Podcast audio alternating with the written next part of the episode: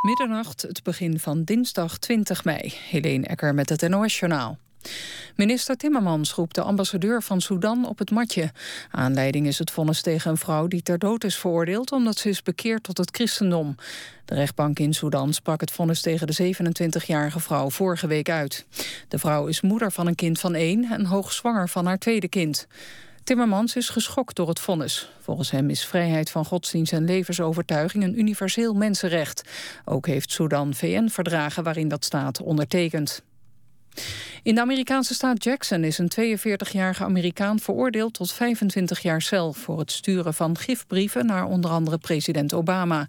Het gaat om een vechtsportinstructeur die de brieven behalve aan het Witte Huis ook aan een senator en een rechter richtte. Alleen de brief aan de rechter werd niet onderschept, maar zij bleef ongedeerd. De man stuurde de brieven in april 2013, kort na de aanslag op de marathon in Boston. Daardoor kreeg de zaak veel aandacht. De politie in Zwolle heeft een tweede verdachte aangehouden... voor een explosie in een shawarmazaak in maart. Het is een 29-jarige man uit Zwolle.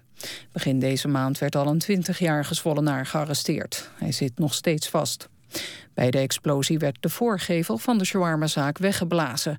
en raakte de woningen erboven onbewoonbaar. Wat de achtergrond van de aanslag is, is niet bekend. In een rechtbank in New York heeft de jury de Egyptische islamitische geestelijke Abu Hamza schuldig verklaard aan hulp aan terroristen. Volgens de jury heeft hij meegewerkt aan een ontvoering van 16 toeristen in Jemen in 1998. Vier van hen werden gedood. Groot-Brittannië leverde Abu Hamza in 2012 uit aan de VS... nadat hij eerst zeven jaar in een Britse cel had doorgebracht... vanwege haatzaaiende preken in een moskee in Londen. Dan nog het weer. In het hele land droog. Vannacht koelt het af tot een graad of 13. Morgen opnieuw zonnig met temperaturen tussen 25 en 28 graden. In de namiddag en avond vanuit het zuidwesten bewolking... met kans op een stevige onweersbui.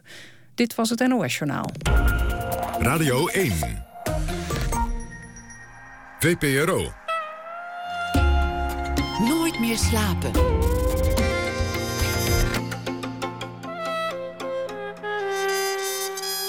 Met Pieter van der Wielen. Goedenacht en welkom bij Nooit meer slapen. Na één uur krijgt u een verhaal van Lieve Joris, dat zij speciaal voor ons schreef. Zij is een van de genomineerden voor de Bob den L-prijs.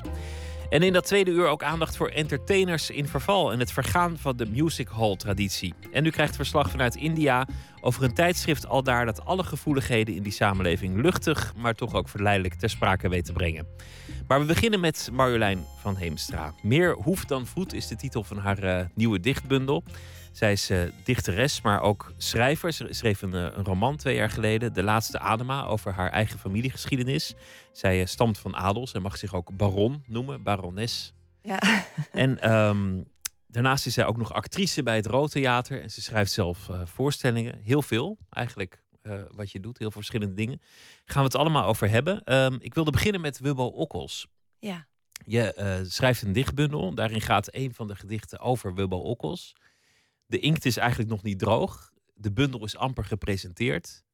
En Wubbo Okkels overlijdt. Mm. Dat, dat, is een, dat is een heel vreemd moment, lijkt me. Ja, gisteren was de presentatie en toen was uh, de directeur van de Space Expo in Noordwijk was er. Die hield een praatje over. Uh, nou, had ik hem gevraagd om wat ruimtefoto's te laten zien en zo. En uh, die kende hem ook goed, dus die was best wel emotioneel. En het was gewoon, het kwam, het was heel gek dat hij over dat gedicht, wat ik over die voetstap van Wubbe Okkels had geschreven, precies daar had hij een presentatie over gemaakt. Dus dat kreeg plotseling wel een extra lading. Dat uh, ja, dat, dat zo'n thema was die dag. Waarom had je een, een gedicht over Wubbe Okkels geschreven eigenlijk? Nou, het gaat niet per se over hem. Het gaat over een voetstap die hij uh, op de boulevard in Noordwijk heeft gezet in het beton.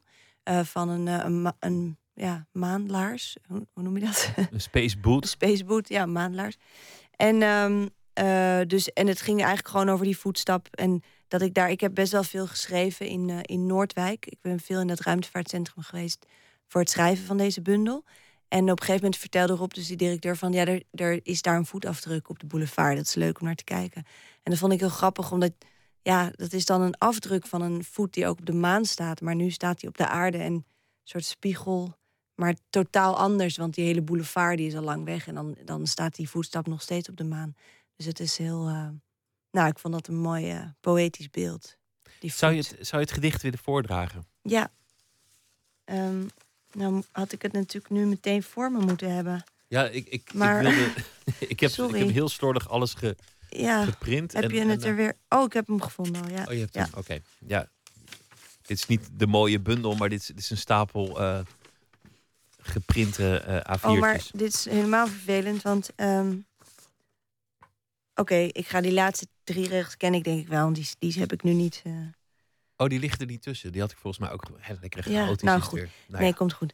Het heet eh, Noordwijk, the space to be. Dat is de slogan van eh, Noordwijk tegenwoordig. Ja.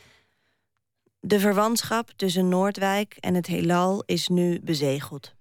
Een afdruk op de boulevard van dezelfde ruimtelaars... die in het tijdperk van Apollo de eerste afdruk planten op de maan. Buiten bereik van wind en regen, voor eeuwig in het stof gebeiteld. De eer was aan een gewezen astronaut. Om zo recht mogelijk te stempelen, stak hij zijn hand in de schacht van de laars en knielde neer alsof het beton een gebedskleed was. Op moederschip aarde, zei hij, vergaat deze hele boulevard sneller dan één stap daarboven. Onze grootste sprong ooit lijkt hier nog het meest op het fossiel van een gigantische voorouder van onze pissebed. En zo dicht bij zee in voortdurend gevaar alsof een intergalactische atlas in spreidstand staat. Eén voet eeuwig, terwijl de ander bliksemsnel vergaat. Voor Wubbo Okkels. De, de, de man Wubbo Okkels, ehm, ik heb hem een aantal keer geïnterviewd en ik vond het altijd een, een, een bevlogen man, sympathieke man ook. Maar er, er is, is nog iets bijzonders aan hem dat ik ook op de een of andere manier in verband wilde brengen met, met jouw werk. Laten we luisteren naar een fragment van, van Wubbo Okkels. Hij is al, al ernstig ziek op dat moment in gesprek met Ivonie. Als je nu terugkijkt, in kort bestek de invloed van die ruimtereis geweest op je leven. Nou, een verantwoordelijkheidsgevoel. Eigenlijk een, een soort roeping, een soort gevoel van, van ik moet gaan vertellen aan de anderen als getuige van wat het allemaal betekent. Dus ik, ik vertel dus wat het doet als je voor het eerst de aarde ziet, de schok die je dan krijgt, de, de realisatie van jongens, maar wacht eens eventjes. Dat heb je normaal in je dagelijks leven niet door. Je hebt het niet door dat je op een totaal unieke planeet door dit, deze ruimte zweeft alsof dit een soort ruimteschip is. Dat, dat heb je helemaal niet door. Je hebt helemaal niet door dat je een onderdeel bent van 1 miljard jaar evolutie op deze aarde. Dat heb je helemaal niet door. Er zijn zo ontzettend veel dingen die mensen helemaal niet doorhebben. Dat, ik voel me dan geroepen om hun dat te vertellen, hun dat duidelijk te maken. Hij was professor, nerd, Ja, technologisch, Ja. strategie. ja, En wat ben je nu? De mens. Dat is een vrij groot verschil. Ja. Ja. Ivonie in gesprek met eh Wubbo Okkels. Dat beeld, dat, dat hij dus de aarde heeft gezien als een blauw bolletje en daarna Mhm. anders in het leven is gaan staan, dat is Ja. volgens mij wat jou zo aanspreekt in ruimtevaart. Ja. ja, en wat hij omschrijft van je, dat je niet realiseert, of zo weinig realiseert, in wat voor gigantische ruimte je eigenlijk rondzweeft. En hoe, hoeveel mysterie er is en hoe weinig we weten en hoe ongelooflijk het is dat we er überhaupt zijn. En dat alle hele kleine dingetjes er zijn waar wij ons mee hebben omringd. Terwijl er zo verschrikkelijk veel ruimte is waar we niks van weten. Dat vind ik heel interessant eraan. En dat je dus dat, dat, dat je uitzoomt alleen al als je die foto's ziet. En dat relativeert alles op een hele prettige manier. Maar hoe kun je daar naar leven? Nou, Daar- volgens daar mij kennis. is het, is het voldoende om af en toe. Ja, ik had er bijvoorbeeld a- iets aan om, om af en toe in dat ruimtevaartcentrum te zitten en die foto's te bekijken. Omdat je dan toch een beetje in een andere mindset terechtkomt of zo. Of andere state of mind. Dat je, dat je, je, ja, je voelt je een beetje onthecht. Een beetje onthechter dan normaal. Zoals wanneer je over een mierenhoop stapt, je ook niet meteen bezig bent met alle conflictjes in die mierenhoop. Want je, Ja. je kijkt op zo'n afstand, je denkt, ach, dat zijn mieren. Ja, de een is verliefd op de een of op de ander of heeft ruzie of wat dan ook. Maar dat maakt jou niet uit, ik weet niet of mieren ruzie hebben, maar ongetwijfeld. ja, ja. Ben- Was, je leuk altijd, zijn. was je echt altijd al een, een, een ruimtevaartliefhebber? Of was het ter inspiratie voor je bundel dat je erin bent gaan verdiepen? Nee, ik ben wel. Het heeft altijd wel me heel erg gefascineerd. Ehm, mijn allereerste voorstelling die ik ooit maakte heette ook Astronaut. Ehm, de tweede heette Onderzeeër. dus het is een soort fascinatie. Ik heb dat ook met de diepzee. Een fascinatie voor die afstanden en voor de werelden die we echt niet begrijpen. En de, de, nou ja, met de diepzee dat je zo waar het helemaal donker wordt, dat daar dan weer het licht begint met al die gekke dieren. En het is dus een soort, ehm, ja, het allerhoogste en het allerdiepste, wat ik interessant vind. De bundel gaat niet alleen over de ruimtevaart. Dat is misschien goed om even te noemen. Bijvoorbeeld een ander thema dat er een aantal keren terugkomt is uh, slapeloosheid. Mhm. Is, is dat iets waar, waar je zelf mee worstelt? Uh, ja, wel regelmatig, ja. Ik vind het Ja. een toepasselijk thema, omdat we hier in een nachtprogramma zitten. En ik Ja. word ontzettend vaak aangesproken door mensen die, die eh, wakker liggen en dan dit programma luisteren. Dus eh, hoe komt het eigenlijk dat je slapeloos bent?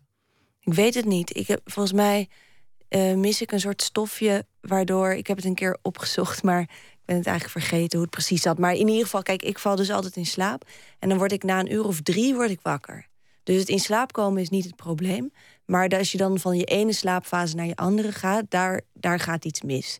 En dat schijnt dan met een stofje te maken te hebben. Of met een soort, ja, dat je te hoog stressniveau hebt... of te veel spanning vasthoudt of zo, s'nachts. En dan, ehm, en dan word ik dus wakker. Dus dat is dan nou, zo rond een uur of drie. En dan eh, lig ik zo tussen drie en zeven of zo lig ik dan wakker. Maar soms ga- sta ik dan gewoon op en dan begin ik de dag. En dan is het een hele lange dag. dus eh, Dan ja, ga, je niet, zo. ga je niet om zeven uur weer nog eventjes eh, terug het bed in? Nou, liever niet, want dan krijg je zo'n raar ritme. Dus je kan maar beter dan gewoon een dag moe zijn. En dan op een gegeven moment val je vanzelf weer in slaap. Als je maar moe genoeg bent, val, Ja. je, val je in slaap. Je had één heel kort gedicht over eh, eh, slapeloosheid. Ja, Eh, ook, ook langere, maar ik vond die hele korte vond ik wel sterk. Z- Zou je die willen voordragen voor alle slapelozen? ja die ken ik uit mijn hoofd. Zo kort als hij is. Waken heet hij. Waken. Slaap weigert mij als een verwende eend de korsten op de gracht. Zo, Dat is hem. Ja, de, de slaap hoeft jou niet. Het is, jij wil de slaap wel, maar de, de, de slaap wijst jou. eh, Ja, en het gaat Af. ook over het idee dat ik heb zo vaak eh, gedacht over, nou, wat is slaap en wat is wakker zijn en zo. En dan mensen hebben het heel vaak over dat je diep slaapt, maar eigenlijk is het waken is veel dieper. Want ik heb vaak het gevoel, als ik dan toch nog in slaap val, niet dat ik een diepte inzak, maar bijna als ik even, alsof ik opstijg, alsof ik zo verlost word, alsof je door het oppervlakte heen schiet of zo. En het, en het waken is echt zo dat zompige in het water liggen en dat de diepte aan je trekt. Dus dat, ik vond het, ik dacht gewoon tijdens het schrijven van die gedicht van, oh ja, voor, voor mij is dat echt andersom. Dat het waken een soort diepte heeft en het slapen en lichtheid. Je kijkt me bijna aan alsof ik je advies zou moeten geven tegen slapeloosheid. Maar dat, ik Nee, dat heb- hoeft niet. Ik heb geen advies. En bovendien, ik zou mijn eigen luistercijfers verpulveren. Als ja, ik, dat eh, zou ik zeker niet doen. Als ik de slapeloosheid te lijf zou gaan. We gaan luisteren naar eh, muziek van Nick Mulvey. Hij is eh, een van de leden van een jazzgroep, Portico Quartet. Maar tegenwoordig haalt hij ook zijn neus niet op voor het lichtere genre. Als singer-songwriter, I Don't Want to Go Home.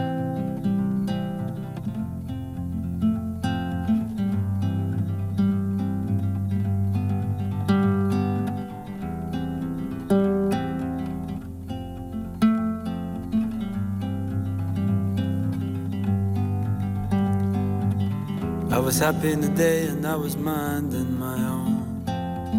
But she saw the better out of me. She told me I could be a maker, though I probably make only half of what I need. Waking early next morning in a sleeping bag alone. Well, darling, you give me no warning, and I don't want to go home. I don't want to go home. I don't want to go home. I think of you, I've always known. Nobody's ever born alone.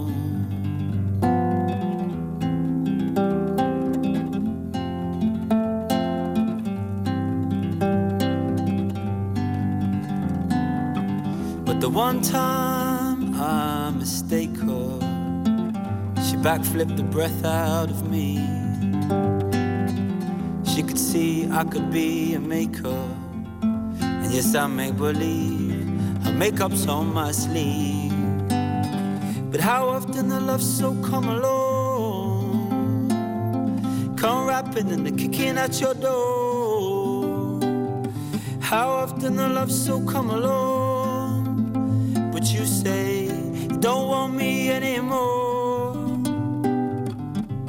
So I don't want to go home.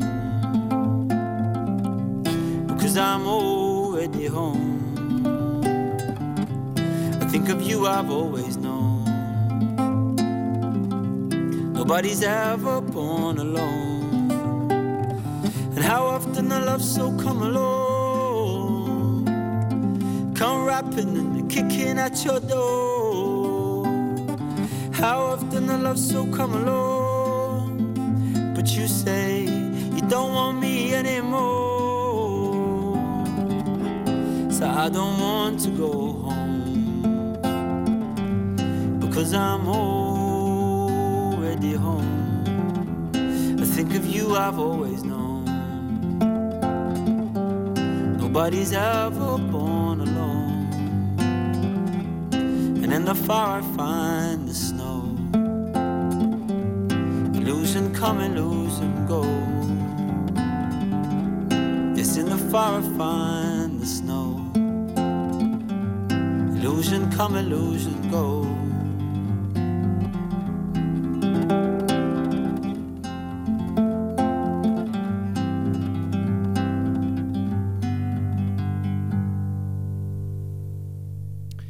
Nick Mulvey, I Don't Want To Go Home. Marjolein van Heemstra is uh, te gast. Zij heeft een nieuwe dichtbundel geschreven. Ze doet uh, heel veel andere dingen voor het Rood Theater. Onder andere, uh, ze maakt theater. Ze is actrice, schrijft ook theater. Heeft een roman geschreven, De Laatste Adema. Laten we aan de slag gaan. Ik denk dat het tijd is om... Ergens over te hebben. Ja, en dat mensen jou ook een beetje, beetje leren kennen. Je bent barones, daar gaat je eerste boek ook over. Dat je, dat je ineens erachter kwam in je leven dat je van adel bent en van een, van een groot geslacht dat met jou ook gaat uitsterven. Nou, dat boek is fictie. Het boek Dat- is fictie, ja, maar is- je bent wel echt barones. Ja, maar het gaat niet over mijn familie. Mhm. Dus ik wilde wel iets schrijven over dat thema, omdat ik daar natuurlijk wel mee te maken heb in mijn leven. Maar het boek is wel, het is echt fictie. Dus het gaat, en voor mij gaat het ook, kijk, ik heb die wereld van de adel gekozen omdat ik die ken. Maar het gaat meer over de vraag van waar, bij wie hoor je als mens en waartoe verhoud je je? En kan je je losmaken van waar je vandaan komt of niet? Dus dat is het, eigenlijk het echte thema van het boek. Wezenlijke vragen. In hoeverre eh, ben jij van adel? Ben jij, je bent niet opgegroeid in een kasteel. Je bent niet opgegroeid met een groot familiefortuin. Nee. Maar wat was er wel? Ja, er is, daar is niet zoveel eh eigenlijk interessants over te zeggen. Want het is gewoon, het is een verhaal. Het is gewoon een verhaal. En het is iets wat, wat wordt doorgegeven, nog steeds, een titel. Maar verder, het is vooral een geschiedenis waar je je wel of niet in kan verdiepen. Nou ja, het feit dat je een stamboom hebt die verder eh, teruggaat aan opa... is voor veel mensen al heel bijzonder, denk ik. Ja, maar dat precies. En dat is het verhaal. En dat is leuk, dat dus dingen zijn opgeschreven... waardoor je heel ver terug kan gaan. Maar het stomme is, ja, je volgt ook maar één lijn... want je volgt altijd de lijn van de man. Dus je, komt ook, je stamt ook van heel veel andere mensen af... maar die, eh, die vind je allemaal niet terug. En ehm, ja, het is, eh, het is vooral dat, gewoon een, ja, een lange lijn. Is het wel zo dat die lijn bij jou ophoudt? Is, of is dat ook een fictief gegeven? Nee, nou ja, kijk, voor mij persoonlijk, als ik nu kinderen krijg, dan ik kan mijn titel niet doorgeven, want vrouwen kunnen dat niet, mogen dat niet. Eh, maar onze familie is behoorlijk groot, dus die is nog lang niet uitgestorven. Dus de, de, het geslacht van Heemstra leeft voort. Ja, die zullen nog wel even bestaan, denk ik. Het, Ja. mooie, het mooie als je een, een stamboom hebt, en, en zeker als het een adellijke stamboom is, is dat het begint met één stamvader. Mhm. En dat, ja, zoals bacteriën in een petrischaaltje zich razendsnel uitbreiden, doen, doen mensen dat ook. Dat zie Ja. je dan op zo'n Ja. zo'n stamboom. Ja. Wie was de stamvader? Eh, ja, volgens mij, als ik het goed heb, is het EPO van Heemstra. Uit Oenkerk. In welk jaar eh, leven we dan? Ja, dat is eh, dat, ja, 14e eeuw. Ik weet, sorry, ik heb het niet helemaal paraat. Maar we zeggen dat we afstammen van Grote Pier van Kimswert. En die was nog eerder. Ja. Dan maar dat zeggen alle Friesen, dat ze daarvan afstammen. Juist, maar dan, dan heb je het toch over een soort eh, overdracht in de familie. Je, je noemt het zelf een verhaal. Waar het natuurlijk ook over gaat, is, is een bepaalde. Er zijn bepaalde waarden waar je mee wordt grootgebracht. Of misschien een bepaalde overtuiging waar je mee wordt grootgebracht. Wat heeft het voor verschil gemaakt dat je, dat je van adel was? Was er een gevoel van je bent belangrijk, want je bent van een geslacht, of je zonder verplichtingen tegenover? Of nee, maar dat is echt, dat is echt, voor deze generatie geldt dat echt niet meer. Het enige wat je hebt is wat ik net zei: er zijn verhalen, er zijn spullen, er zijn ringen en die dingen worden doorgegeven. Maar het is echt niet zo dat, ik bedoel, ja, het is natuurlijk dan een elitaire familie. Maar je hebt heel veel elitaire families die geen adellijke titel hebben. En die geven dat ook al duizend jaar door. Dus het is niet per se, er is niet één ding. Het enige wat je, kan, wat je onderscheidt is het feit dat je het allemaal weet. En dat is dus zowel een zegen als een last. Want het is natuurlijk ook irritant dat je precies kan lezen wat al je voorvaderen verkeerd hebben gedaan. Uh, maar het is ook heel interessant dat je precies weet waar je vandaan komt. En, en uh, ik denk niet dat er iets anders is, echt niet in deze tijd, wat, wat adel nog van niet-adel onderscheidt. Tenzij je daar heel erg aan vastklampt. En die mensen zijn er natuurlijk wel, die, die echt nog die identiteit willen vormgeven en die zich in clubjes verenigen. En, en ja, maar dat is bijna een nieuw uitgevonden adel. Want ja, die, die houden natuurlijk iets in stand wat feitelijk in deze samenleving helemaal niet meer zo van betekenis is. We hadden het over Wubbo Okkels. Die, die uh, was in de ruimte, die keek neer op de aarde als blauw bolletje, kwam terug met een ander besef, namelijk wat zijn we aan het doen met die planeet? Mm Dat is een hele relevante vraag met klimaatverandering uh, op komst. Als er ook maar iets waar is van wat alle wetenschappers beweren, dan hebben wij een gemeenschappelijke zorg als, als mensheid. In heel veel van jouw werk, zowel in je gedichten als in je toneelstukken, gaat het eigenlijk over een soort verbondenheid over grenzen heen. Een soort mhm. wereldburgerschap. Ja. Daar zag ik wel een soort, soort adellijke gedachte in. Ja, maar Wubbe Okkels dacht dat ook en die was niet van adel. Ik zeg niet dat je dus- per se van adel moet zijn om zo te denken. Maar, dus ik vind het wel altijd een beetje lastig, omdat, omdat ik vaak gevraagd wordt van... oh ja, maar maak je dat soort werk omdat je van adel bent? En dat is gewoon echt niet zo. Er zijn heel veel mensen die, die geëngageerde dingen maken... of zich dat soort vragen stellen... die daar natuurlijk die, die uit totaal andere, totaal andere afkomst hebben. Ik, ik ben gewoon altijd geïnteresseerd... en daarom heb ik ook dat boek geschreven. Um, ik ben geïnteresseerd in waar je... Uh, waar je loyaliteit ligt als mens. Waar je, waar je het gevoel hebt dat je bij hoort, waar je niet bij hoort. Voor welke groep je kiest. Um, waar je trouw aan moet zijn. Dat soort dingen vind ik interessant. En dan, ik heb dus een voorziening gemaakt over mensen die op dezelfde dag zijn geboren als ik op een andere plek in de wereld. Uh, India, Libanon en Zuid-Afrika, die heb ik allemaal opgezocht. Van het idee van, ja, wat, wat deel je eigenlijk als generatie? En zo heb ik in dat boek onderzocht van wat deel je als familie. En je, kan, je hebt allemaal van die aspecten. Een mens is zoveel dingen. Je, je hebt zoveel lagen, zoveel identiteiten. En het, ik vind het heel interessant om die te onderzoeken. Want elke laag eh, ja, behoort weer aan iets anders toe of zo. Je hebt er verticaal toebehoren, horizontaal toebehoren. En ja, waar hoor je nou eigenlijk bij? En uiteindelijk weet je ook dat je alleen wordt geboren en alleen doodgaat. Dus het is allemaal een soort groot onderzoek daarnaar. En eigenlijk wil je ook nergens bij horen, toch? Um, nou, er is natuurlijk wel altijd een verlangen naar, wat volgens mij heel veel mensen hebben, een verlangen naar een soort van eenheid of verbinding of zo. Dat is er zeker. En tegelijkertijd wil je uniek zijn en, en niks doen zoals iemand anders het doet. Het was dus geen noblesse oblige. Ik wil, ik wil toch even uh, purren in, in, je, in je jeugd. Hoe, hoe was, het, was het thuis bij jullie? Als het niet een kasteel was en er geen groot fortuin was, wat voor gezin kom je uit? Ik kom uit een um, ja, best wel idealistisch gezin. Ik denk een typisch uh, jaren 80. Ik, ik ben geboren in 81 en dat was ja, zoals heel veel gezinnen waren in die tijd. Uh, VPRO, de Fietsersbond. Bandenbom. Groene Amsterdammer. Ja, dus dat is een beetje mijn achtergrond. En um, uh, ja, wel ouders die daar heel, daar heel erg mee bezig waren. Dus ik denk dat het idee dat je verantwoordelijkheid moet nemen of dat je ergens voor moet inzetten, komt grotendeels daar vandaan. Omdat die manier van leven mij ook wel aansprak. Toen ben je godsdienstwetenschappen gaan studeren op, op een zeker ogenblik. Ja. Dat, eh, dat, dat vind ik ja, is een interessant vak natuurlijk, maar waarom? Nou, ik denk dat ik al, ik was al best wel vroeg geïnteresseerd in dus die grote vragen. Um, ook wel in God. Ik heb heel erg geprobeerd vaak om te geloven in God. En dat is ja, met meer of minder succes. ik heb wel periodes gehad dat dat lukte en ook periodes dat het niet lukte. En toen was ik in, um, in Israël en Egypte en Jordanië en Palestina na mijn uh, eindexamen. En daar was ik zo geraakt eigenlijk door dat in zo'n zo'n klein gebied zoveel conflicten zijn en zoveel mensen lijnrecht tegenover elkaar staan, terwijl die verhalen allemaal verbonden zijn, dat ik dacht, uh, oh ja, dit, hier wil ik meer van weten. En ik had ook een soort ambitie ooit om diplomaat te worden. En ik dacht, dat is dan een goede achtergrond. Maar je, je hebt geprobeerd om te geloven in, in God. Dat, dat moet je even uitleggen, hoe, hoe zoiets in zijn werk gaat. Nou, Allereerst waar die, waar die wens vandaan komt.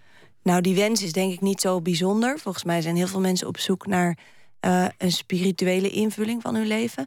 Dus ik bedoel, heel veel mensen mediteren of doen aan yoga of stilte retretes. Zeker tegenwoordig mindfulness. Um, het is natuurlijk een manier om aan jezelf te ontsnappen. Om bij iets groters te horen dan alleen maar jezelf. En plus ik vond die verhalen heel interessant. En ik dacht, ja, het is toch, dat zijn dus toch dingen die duizenden jaren zijn overgeleverd. En daar moet een soort. Dacht, als iets zo lang bestaat, dan moet er een soort waarheid in zitten. Maar, maar was, was God bij jullie thuis prominent aanwezig? Nee, niet zo prominent, maar wel het hele. Nou ja, zoals ik net al een beetje die onwijze cliché uh, jaren tachtig. Uh, dat gezin schetste, waar ik dan in opgroeide, daar, daar hoort natuurlijk ook bij van het hele vrijzinnige van uh, Krishna, Boeddha, Jezus, iedereen bestaat. Dat en, en allemaal tegelijk en ze zijn ook En het mag allemaal en ja, precies, ja. Dus, ik, dus ze waren er eigenlijk allemaal en we gingen naar zondagschool vroeger. Dat vond ik ook eigenlijk best wel leuk. Ik vond Jezus heel fascinerend. En uh, ja, en, maar vooral die verhalen. Wat vond je fascinerend aan, aan, aan Jezus? Nou ja dat, ja, dat is heel simpel. Maar als kind weet je dat er iemand is die over water kan lopen. Dat er iemand is die zijn leven voor je zou geven. Dat vond ik allemaal best wel indrukwekkend. Want ik dacht, ja, wie doet dat nou? Je, je schrijft ergens: De God waar ik niet in geloof bestaat niet. Dat heb ik niet van mezelf. Dat, is van Camus. Ja. Dat is een citaat van Albert Camus. Ja. Um, wanneer kwam het moment dat je dat, je dat, uh, dat, je dat realiseerde? Nou, het is een beetje wat ik net zei. Het wisselt eigenlijk nog steeds. Ik heb, kijk, ik geloof niet, dat weet ik zeker. Ik geloof niet in een God buiten ons die als een soort, hè, een soort entiteit aanwezig is. Maar ik ik weet niet zeker of er niks is. Dat weet ik niet. Ik weet niet zeker of er geen enkele bedoeling is. Dat durf ik niet te zeggen. Er zijn dagen waarop ik denk dat er wel een bedoeling is. En zeker als je zo naar het heelal kijkt en de manier waarop dingen zijn geconstrueerd, zo denk ik, ja, dit, is, dit kunnen wij helemaal niet overzien. Hoe dit allemaal in elkaar steekt en hoe wij daar deel aan hebben. Dus um, als ja, God zou voor mij zoiets zijn, het soort van het, het masterplan of zo, wat wij niet begrijpen. Hoe ben je van godsdienstwetenschappen vervolgens uh, terechtgekomen en bij poëzie en bij romans en bij uh, theaterschrijven en bij acteren? Hoe zijn al die dingen op je pad gekomen, gekomen en hoe allemaal tegelijk? Nou, het lijkt nu misschien gelijk, maar dat is niet helemaal zo. Nou ja, of wel. Ja. Kijk, ik, ging, uh, ik studeerde en ik vond schrijven heel leuk. En ik, ik schreef altijd al gedichten, dus dat deed ik gewoon s'avonds als ik niks te doen had. En dat verzamelde ik. En, en ik ging af en toe. Ik kende dus mensen die een poëzieavond organiseerden. Die zeiden: Wil je iets, iets voorlezen? Dus dat begon zo'n beetje dat ik dan ging voorlezen. En dat was leuk en, enzovoort.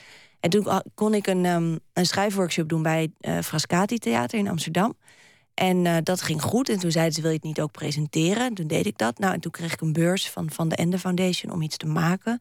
En daar rolde ik eigenlijk zo in. En bij Frascati heb ik helemaal de mogelijkheid gekregen, vier jaar lang want die zagen er iets in. Die zeiden van, nou, je kan je hier ontwikkelen. Echt tot theatermaker als je wil. En toen dacht ik, ja, ik, ik vond het eigenlijk heel erg leuk om te doen. Om zo mijn verhaal te kunnen vertellen op een podium. En toen, en dat, en dat dichte, nou, dat, ik las een keer iets voor en er zat iemand in de zaal van de bezig bij. Dus het kwam allemaal, ja, het stroomde allemaal een beetje zo door elkaar heen, zeg maar. Het is moeilijk om een lijn aan te brengen in al die uh, dingen die je doet de eerste vraag is natuurlijk: doe je er wel goed aan om zoveel verschillende dingen te doen? Of, of is dat geen keuze? Ja, nou, ja, ik weet niet of het zoveel verschillende. Het, is, het zijn natuurlijk veel verschillende dingen, maar als je op een kantoor werkt, doe je misschien ook heel veel verschillende dingen op een dag. Nee hoor, als je op een kantoor zit, dan doe je bitter weinig op een dag, is mijn ervaring. Nou ja, misschien zijn er wel kantoren. Of er zijn, ik bedoel, er zijn toch banen die bestaan uit meerdere taken. Want mensen vragen mij dan vaak, maar dan denk ik, ja, maar volgens mij zijn er heel veel mensen die die allemaal verschillende dingen doen op een dag. En um, uh, het is voornamelijk schrijven. Het is ja, eigenlijk of verhalen vertellen. Zeker in mijn theater. Want je zegt dat ik een actrice ben, maar ik ben natuurlijk. Zo, zo zie ik mezelf eigenlijk niet. Ik, ik zit eigenlijk alleen in, in mijn eigen voorstellingen. Ik speel nooit in voorstellingen van anderen. Dus ehm, het is meer dat ik dan gewoon het verhaal vertel. En ik ben vooral heel veel bezig met het schrijven als ik een voorstelling maak. Dus het is echt weken schrijven en schaven en nog meer schrijven. En dan ga ik pas de vloer op. En dat, dat is een beetje hetzelfde nou ja, als wat ik. Als ik een voorstelling maak, schrijf ik ook vaak een journalistiek stuk over dat onderwerp. Schrijf ik er een column over, komt het weer terug in mijn poëzie. Dus ik denk dat ik gewoon heel goed ben in recyclen. Ja, dat, dat had ik nog helemaal niet genoemd. Dat je ook columns schrijft, uh, onder andere voor NRC en voor Trouw over, uh, over thema's. Facebook is het, het thema bij Trouw. Ja. Uh, bij, bij NRC was het weer een ander thema. Ja, dat was paar jaar geleden, ja. ja zou, zou alles beter worden als je, als je één ding zou, zou kiezen? Nou ja, wat ik net zei, dus als je de dingen handig recycelt, dan is het volgens mij. Komt dan maar uit dezelfde, uit dezelfde bron? Ja, bovendien, ik, ik weet niet anders dan. Ik wil, ik doe het zo. En dat is omdat het zo werkt voor mij. Dus ik zou niet weten, als ik één ding zou doen, dan zou ik waarschijnlijk overproduceren in, in dat ene ding, zeg maar. Je noemde al één ding, en dat is misschien aardig om uh, een beetje de sfeer van jouw voorstellingen ook weer te geven. Je bent op zoek gegaan naar allemaal mensen die op dezelfde dag als jijzelf geboren zijn. Ja. Dat is een, een dag in uh, februari 1981. Ja, tien. 10 februari 1981. Hoe ben je toen te werk gegaan en, en hoe kwam je allereerst op het idee? Ik kwam op het idee omdat ik een uh, citaat las van Mark Bloch, die historicus. Die zei: Mensen zijn meer kinderen van hun tijd dan kinderen van hun ouders. En dat vond ik een mooi citaat, omdat ik dacht: oh ja, dan als je uh, familie, als je dat heel letterlijk neemt, dan is, zij, is je meest directe familie zijn de mensen om je heen, zeg maar, met wie je op dezelfde tijd geboren bent, of in dezelfde tijd. En, um, en dacht, ik heb familie eigenlijk altijd als iets verticaals gezien. Dus dat je toebehoort aan mensen voor je en na je. Maar als je het zo bekijkt, dan is het horizontaal. Dan behoor je toe aan de mensen met wie je tijd deelt. Als mensen meer kinderen zijn van hun tijd. Dus toen, um, toen ja, dat, dat raakte heel erg die snaar van nou, mijn thema, toebehoren en zo. Toen dacht ik, als ik dat nou heel letterlijk neem, dan ga ik gewoon mijn naaste familie opzoeken. En dan zoek ik mensen dus die op dezelfde dag zijn geboren. Het was een soort uh, gedachte-experiment. En ook een beetje uit een soort van um, naïviteit die ik dan mezelf had aangemeten. Van stel je voor, ik neem dit heel letterlijk. Wat gebeurt er dan? Nou, dan ga ik die familie opzoeken. Dat heb ik gedaan. Heel raar natuurlijk, want ik kende die mensen niet, ik kende mij niet. En wat gebeurt er dan? En wat, wat ga je eigenlijk aan als je met je generatiegenoten gaat praten over uh, hoe herinneren we? Want het ging dan over de jaren negentig, de, jaar, de jaren waarin we eigenlijk van kinderen volwassenen werden. En ik probeerde een reconstructie te maken aan de hand van die vier verschillende standpunten. Maar je, je zocht verschillende mensen. Er zijn natuurlijk heel veel mensen, want elke dag worden er wereldwijd natuurlijk duizenden mensen geboren, denk ik. Ja, nou wel iets meer. Misschien wel nog wel meer, ja. niet, maar niet allemaal redden het. De meesten gaan dan vrij snel weer, uh, weer dood, is de tragische waarheid. Hoe ben je te werk gegaan om precies die mensen te selecteren die je wilde ontmoeten? En, en hoe heb je die dan vervolgens ook gevonden? Nou, dat is, was een beetje afwisselend. Ik kende een, uh, een Libanese theatermaker, Rabim Roué. Die heeft mij ook um, uh, begeleid voor dat project. En die, die had heel veel contact in Libanon. En ik wilde graag een land in het Midden-Oosten. Dus die heeft mij daarbij geholpen. Uh, Zuid-Afrika wilde ik ook heel graag, want daar had ik zelf heel veel herinneringen aan in de jaren negentig. En daar heb ik gewoon ja, iedereen gemaild die ik kende. Van, kan je me helpen? En ik was toevallig in India zelf. En daar heb ik soort van audities gedaan. Heel raar op een terras. en daar vond ik toen die jongen uit India. En zo heb je dan verschillende ja, geboortedaggenoten. Mm -hmm. Is er dan inderdaad sprake van een, een, gedeelde ervaring in de tijd... als het op een heel ja. ander continent plaatsvindt? Nou, ja, je zou eigenlijk die voorstelling daarvoor moeten zien... want het is een heel gecompliceerd en gelaagd verhaal geworden uiteindelijk kijk, wat, wat we delen, dat zijn natuurlijk wel. Er zijn gewoon herinneringen die we delen. Dus bijvoorbeeld de apartheid. Dat was een heel duidelijk iets wat we ons alle vier herinnerden. Maar voor dat meisje in Zuid-Afrika was het natuurlijk iets totaal anders dan voor mij. En um, sorry. Um, dan was er Dolly, het schaap. Ik was heel verbaasd dat iedereen zich Dolly herinnerde. Het gekloonde het schaap. Gekloonde ja, schaap ja. ter wereld. En um, zo waren er dus allemaal dingen die, maar er was ook bijvoorbeeld iets dat ehm, de hond van dat meisje uit Zuid-Afrika vergiftigd was met een gif wat, ze, wat illegaal gedumpt werd in Libanon, waar dat meisje in Libanon niet had kunnen zwemmen een hele zomer. Wat is vrijgekomen bij mijn ongeluk in India, waardoor een ver familielid van die jongen uit India gehandicapt geboren is, wat gemaakt wordt in Nederland. Dus zo waren er ook links, zeg maar, die heel veel zeiden over de plek waar we geboren zijn. En ook, het kwam er altijd op uit dat ik natuurlijk aan het langste eind trok en zij aan het kortste. Omdat jij toevallig uit Europa kwam. Ja, dus dat was best wel confronterend, want het, het liet, ik wist dat natuurlijk wel. Ik bedoel, je weet dat je, dat je privileges hebt. En, maar ik, ik werd daar wel echt geconfronteerd in dat project met hoe ongelooflijk groot die privileges zijn dat is natuurlijk ook de weerbarstige praktijk. Je kunt wel uh, naar de aarde kijken als een mooi blauw bolletje in een groot universum. Maar, maar de, de wereld zit wezenlijk anders in elkaar. Bijvoorbeeld al als je die mensen wil ontmoeten en hierheen wil halen of daarheen wil halen, kon dat zomaar qua papieren, visa en bureaucratie. Nou, dat is um, eigenlijk heb ik de, het, was het eerste deel van een drieluik. En in uh, deel 2 heb ik met de jongen uit India verder gewerkt. En toen wilde ik dat meisje uit Libanon uitnodigen. En toen kwam zij niet naar Nederland. En daar heb ik dan deel 3 over gemaakt. Dus dat ging, deel 3 ging, van dat drieluik ging heel erg over die ongelijkheid. Van, ze, ze mocht gewoon niet hier naartoe? Nee, nee, ze kreeg geen visum. Dus uh, over, over die hele kwestie van... Je, ja, je kan dus met al je zogenaamde grote ideeën over verbondenheid... kan je allemaal mensen gaan opzoeken. Maar inderdaad, in de praktijk kunnen ze jou niet opzoeken. Dus waar, waar sta je dan met je verbondenheid? En daar gaat die derde voorstelling over. Dat is natuurlijk in wezen een, een onrecht. Dat, dat je op, op, een, op een relatief kleine planeet leeft. Althans, vergeleken met andere planeten is het een kleine planeet. Mhm. en, en dat die ene planeet zo verdeeld is door, door grenzen en, en volken. En dat niet iedereen kan gaan en staan waar die wil.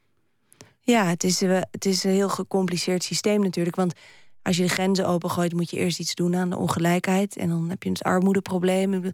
Ja, je begint. Het is. Uh, ja, is heel ingewikkeld. Ja, je moet ook oppassen dat je niet naïef bent en een soort stelling namen van waarom kunnen we niet allemaal vrienden zijn en gooi de grens open. Want praktisch is dat natuurlijk niet haalbaar. Nee, maar het begint bij, bij het begint, de ongelijkheid begint denk ik wel voor een groot deel bij hoe wij consumeren en hoe dat ten koste gaat van anderen. Dus dat ligt heel erg in je eigen handen ook. Als, als individu, als consument? Ja, als consument. Dus wat je wel of niet koopt en hoe je, hoe je consumeert, dat maakt veel uit. Denk je dat, dat je, dat je aan het systeem kunt ontsnappen? Nee, je kan er niet aan ontsnappen, want het is je eigen systeem. Maar je kan wel een systeem veranderen van binnenuit, want dat is hoe systemen veranderen. Dus ja, natuurlijk, alles kan altijd anders. De dingen zijn namelijk de hele tijd aan het veranderen. Ik vind dat zo grappig dat mensen dan ook met zo'n grenssysteem... dat mensen zeggen, ja, maar het kan toch niet anders? Terwijl als je 50 jaar geleden kijkt hoe het was... toen was het ook volledig anders. Dus klaarblijkelijk kan het 180 graden draaien in 50 jaar. Dus dan kan dat ook nog een keer. Want dat gebeurt natuurlijk de hele tijd. Ik vind het mooi dat je nog, nog vertrouwen hebt in, in de veranderlijkheid der dingen. Ja, maar nog vertrouwen. Dat is het enige wat we zeker weten, is dat alles verandert. De hele tijd. Nee, maar dat je het in de richting kunt veranderen waarin je het zelf zou willen eh, veranderen.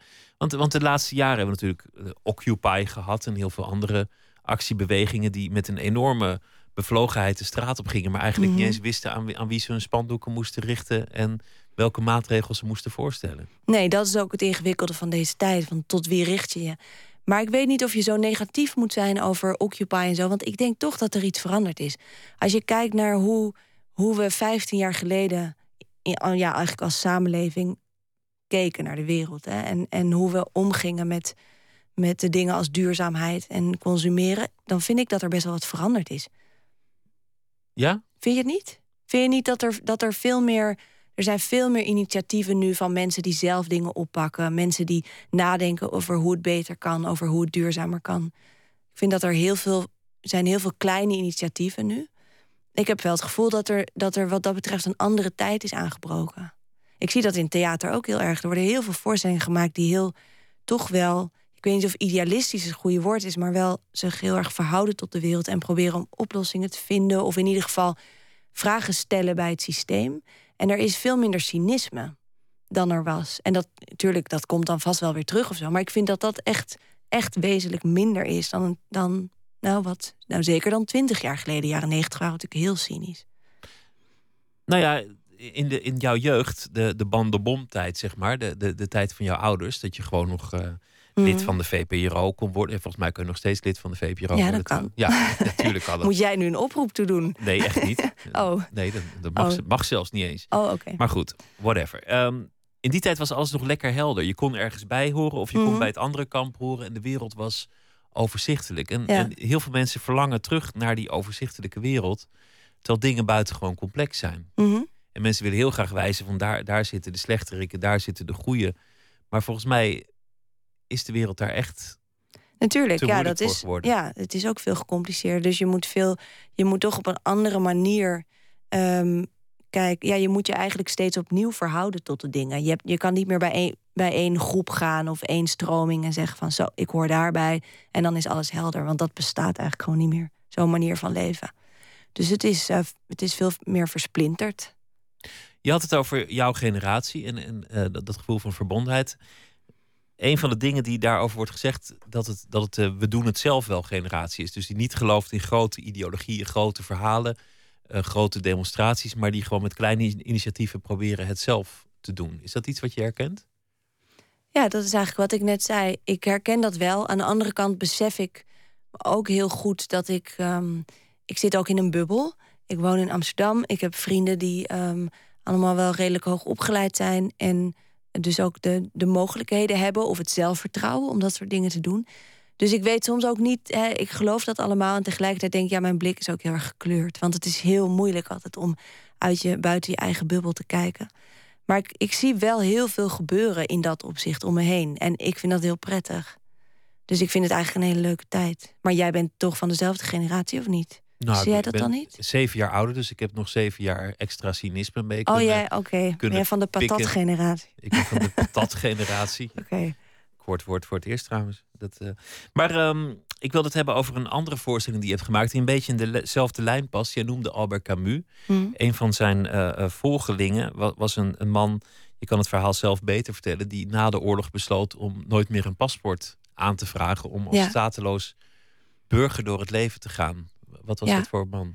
Eh, Gary Davis, dus dat is de eerste officiële wereldburger van de wereld. En uitvinder van het wereldpaspoort.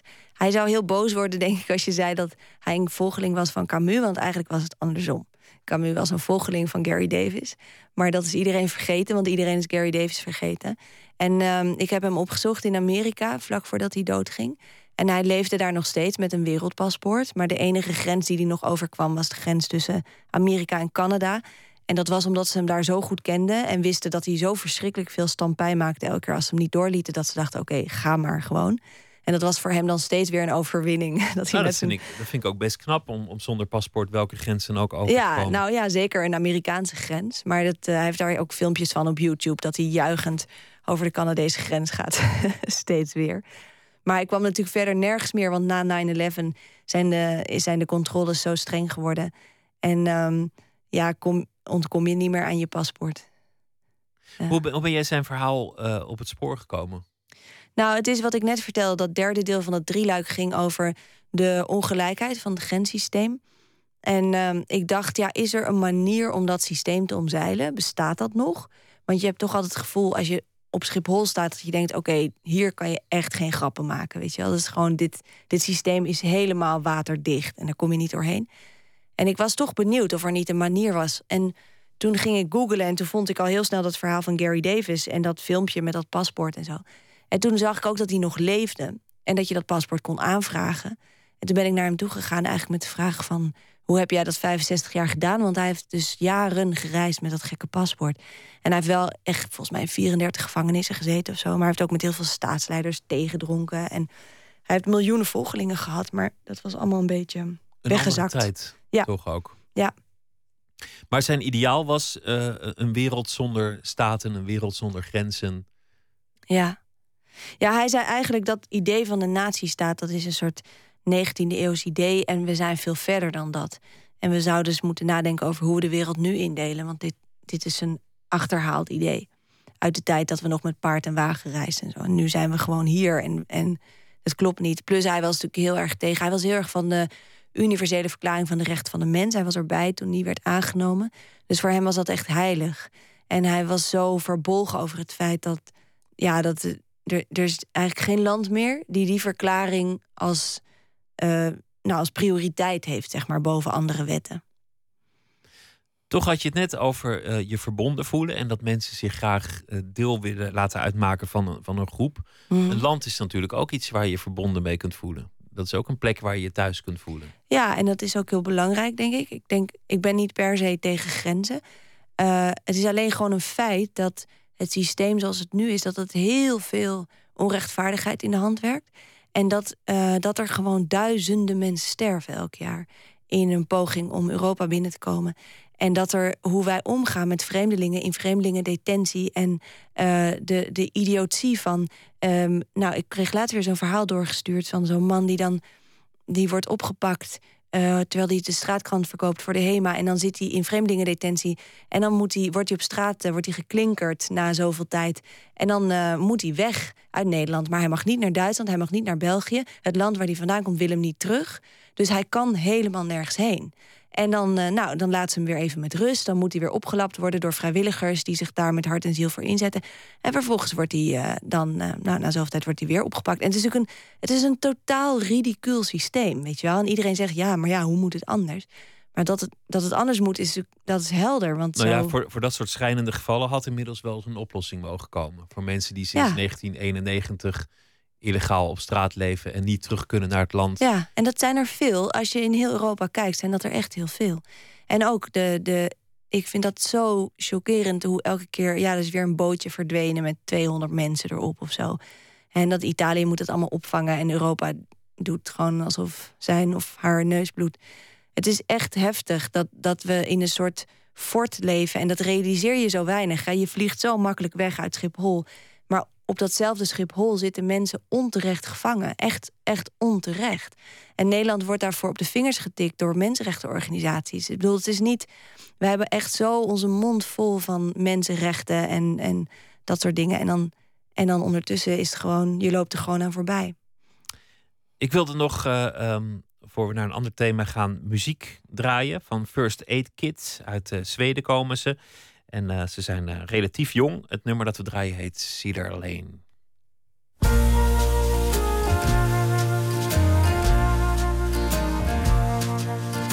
Rows after rows of passenger planes headed out again, running all in vain. Motel blues,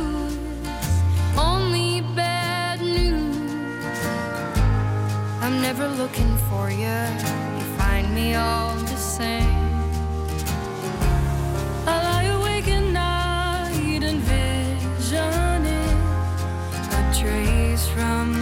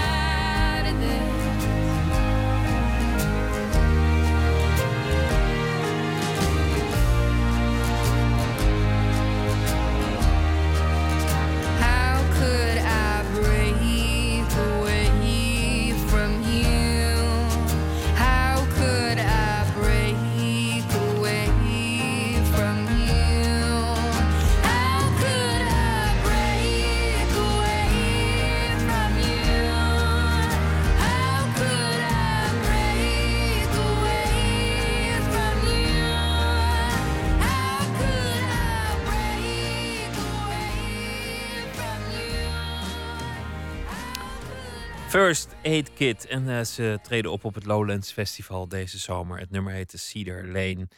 Um, Marjolein van Heemstra zit hier. Luistert naar Nooit meer slapen. We hadden het net over uh, um, een aantal thema's die jij in je voorstellingen over het voetlicht probeert te brengen. Is dat om een soort bewustwording te creëren? Heb je ook echt een bedoeling met je publiek? Of is het gewoon wat jou bezighoudt en moet het ook gewoon een leuke avond worden? Nou ja, het moet natuurlijk wel ook interessant theater zijn en mooi zijn om naar te kijken en goed in elkaar zitten. Um, maar ik, ik denk, ik ben gewoon heel erg bezig met ook mezelf verhouden tot de wereld. Dus het zijn vragen waar ik zelf mee rondloop, die ik dan probeer uit te zoeken. Van, oh ja, waar, hoe sta ik daar zelf eigenlijk in? En hoe moet ik dan, hoe zou ik dan eigenlijk moeten leven als ik dit allemaal weet? En ik vind het heel leuk als publiek dan met mij meedenkt. Dus dat is een beetje mijn bedoeling. Wat ik interessant vond was dat, dat je um, vorige voorstelling ging over iets heel anders, namelijk over Hans Jan Maat. Uh, ja.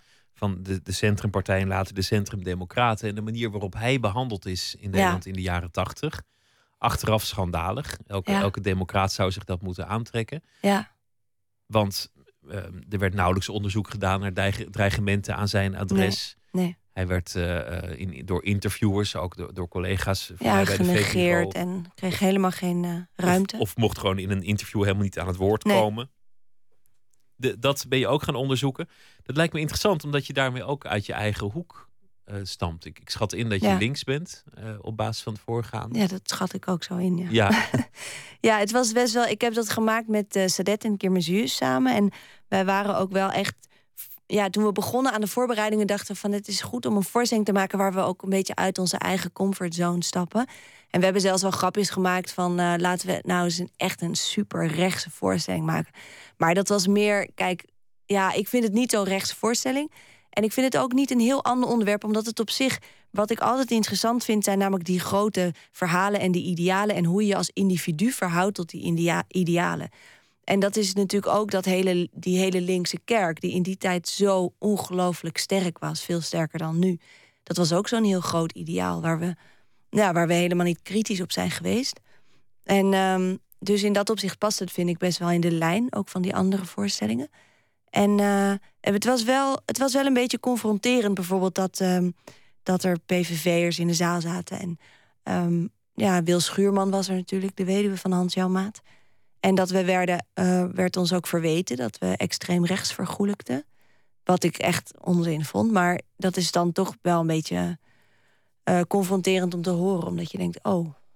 Maar hoe reageerde de, uh, de, de, vrouw van Jan Maat en hoe reageerden die PVV'ers? Want die, die zijn dan eigenlijk ook in een, in een omgeving waar ze normaal volgens mij niet per definitie gunstig tegenover staan. Nee. Nou, Wil, dus Wil Schuurman, die was erg positief, omdat zij heel blij was dat ze als mens werd neergezet in die voorstelling. Zij heeft toch best wel veel. Um, zij heeft gewoon zoveel stront over zich heen gekregen. Dat is echt ongelooflijk. Ze heeft natuurlijk haar been verloren bij uh, dat ongeluk in Kedigum. En, en um, nou ja, zij, voor haar was het. Zij vond het heel fijn. Ze heeft de voorstelling ook twee keer gezien. Dus uh, zij was echt blij met uh, de aandacht en dat ze haar verhaal kon vertellen. En ik vond het ook wel mooi, want we zijn ook best wel kritisch op haar. We sparen haar echt niet in die voorstelling. Maar daar ging ze heel goed mee om. En de, en de nogal rechtse types, die waren ook wel. Ja, die waren dan toch ook wel kritisch. Want wat we gewoon niet echt doen in die voorstelling, we nemen niet echt een standpunt in. Dus we, we, we laten eigenlijk. Het is een soort van extreem genuanceerde voorstelling. En dat was. Um, dat was ook wat we wilden. Maar het is best wel ingewikkeld om een hele genuanceerde voorstelling te maken. Want mensen, die, die, die hele rechtse typen zeiden van... ja, je maakt je er makkelijk vanaf, want je spreekt je niet uit. Maar het is best moeilijk om je niet uit te spreken. Uh, of, of je wel uit te spreken, maar door je voor al die partijen apart uit te spreken. Dus we wilden eigenlijk dat het publiek zo heen en weer ging van links naar rechts qua sympathie. Zoals wij dat zelf ook hadden tijdens het onderzoek.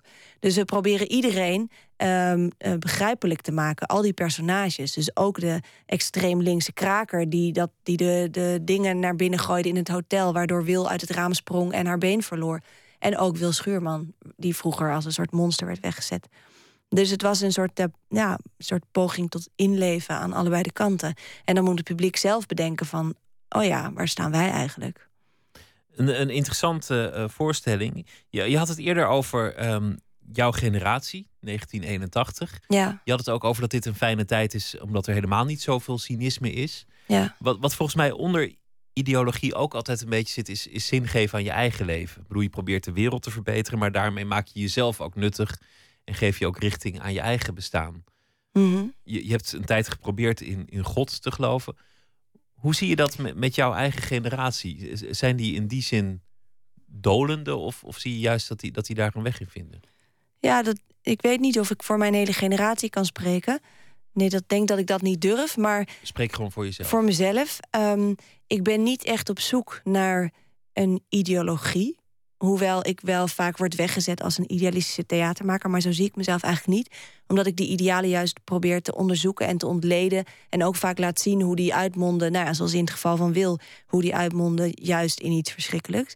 En ik vind, ik vind het interessant ehm, dat je in deze tijd dus niet per se tot een stroming hoeft te behoren. En dat je zo kunt navigeren. Dat zit ook heel erg in de voorstelling eh, Jeremia, die ik dus over met Sadetten over wil maakte. En dat je, dat je steeds weer opnieuw je standpunt, moet, je standpunt moet bepalen. En dat is heel vermoeiend, maar het is ook interessant, omdat je, je jezelf minder snel verliest in iets groots. En eh, iets groots en meeslepend, waardoor je een beetje blind kan worden voor, voor wat er echt gebeurt. Maar je wilde geloven in, in God. En het, het leuke als je gelooft in God is dat je deel uitmaakt van een verhaal. Of als je bijvoorbeeld opgroeit in een adellijke familie in een tijd waarin de adel nog volop in het zadel zit, dan groei je ook Mhm. op in een verhaal.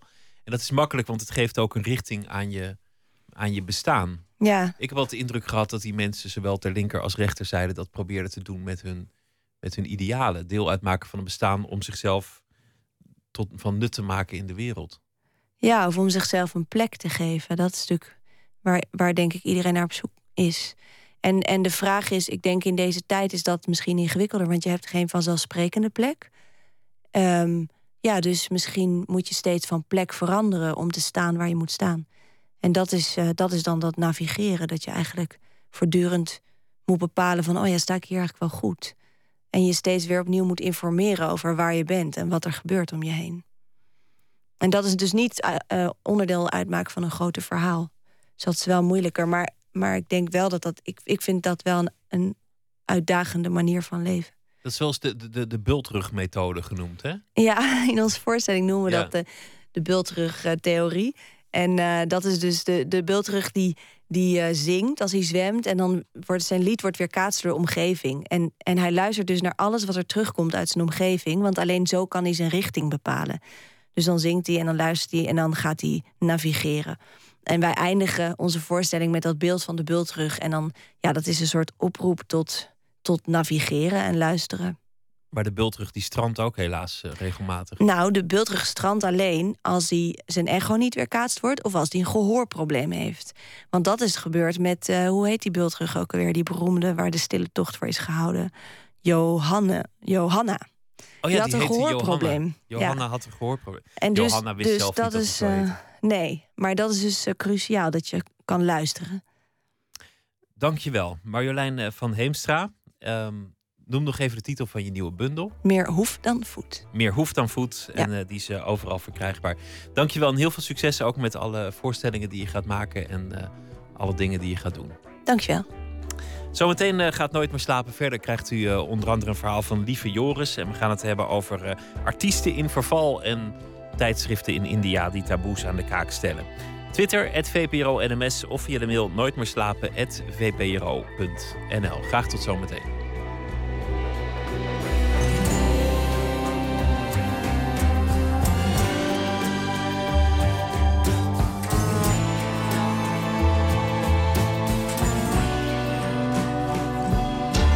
Op Radio 1. Het nieuws van alle kanten.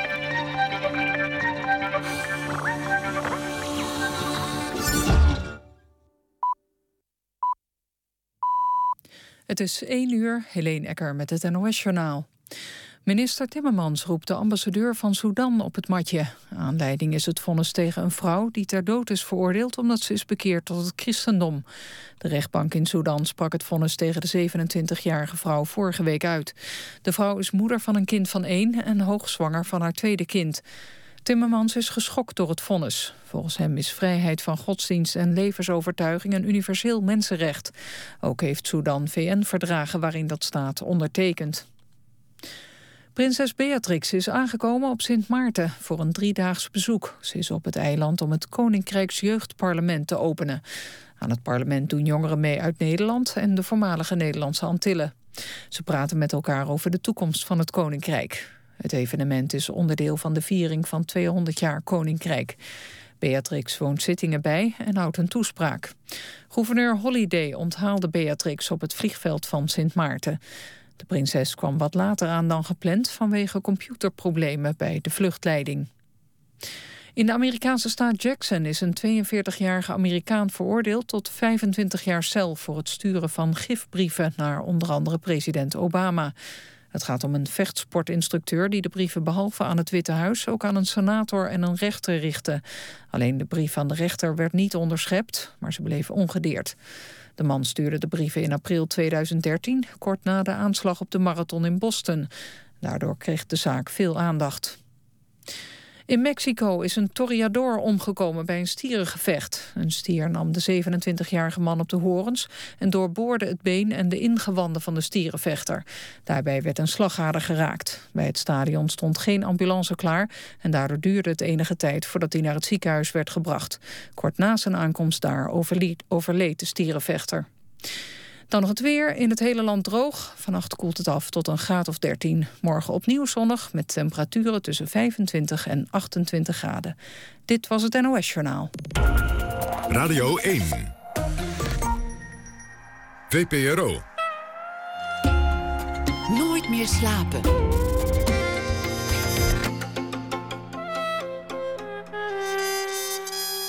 Met Pieter van der Wielen. U luistert naar Nooit meer slapen. We beginnen dit uur zoals gebruikelijk met een schrijver die we laten reageren op wat er in de wereld gaande is. En deze week doen we dat elke dag met één van de zes genomineerden van de Bob Den L-prijs van de VPRO. Dat is een jaarlijkse prijs voor het beste reisboek. En deze nacht is het Lieve Joris, genomineerd vanwege het boek Op de Vleugels van de Draak. En daarin uh, reist ze in het kielzog van Afrikaanse handelaren naar China om te zien wat globalisering op menselijke schaal teweeg brengt. Goedenacht, lieve. Hallo, goeienacht. We vragen je nu om een, uh, een, verhaal te schrijven op basis van iets dat vandaag is gebeurd of wat je hebt meegemaakt. Waar wil je het over hebben?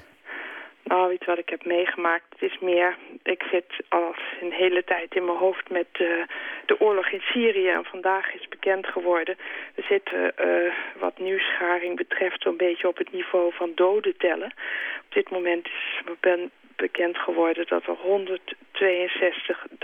doden zijn gevallen in die oorlog. Dat is vandaag bekendgemaakt door het Syrisch Observatorium voor de Mensenrechten in Engeland.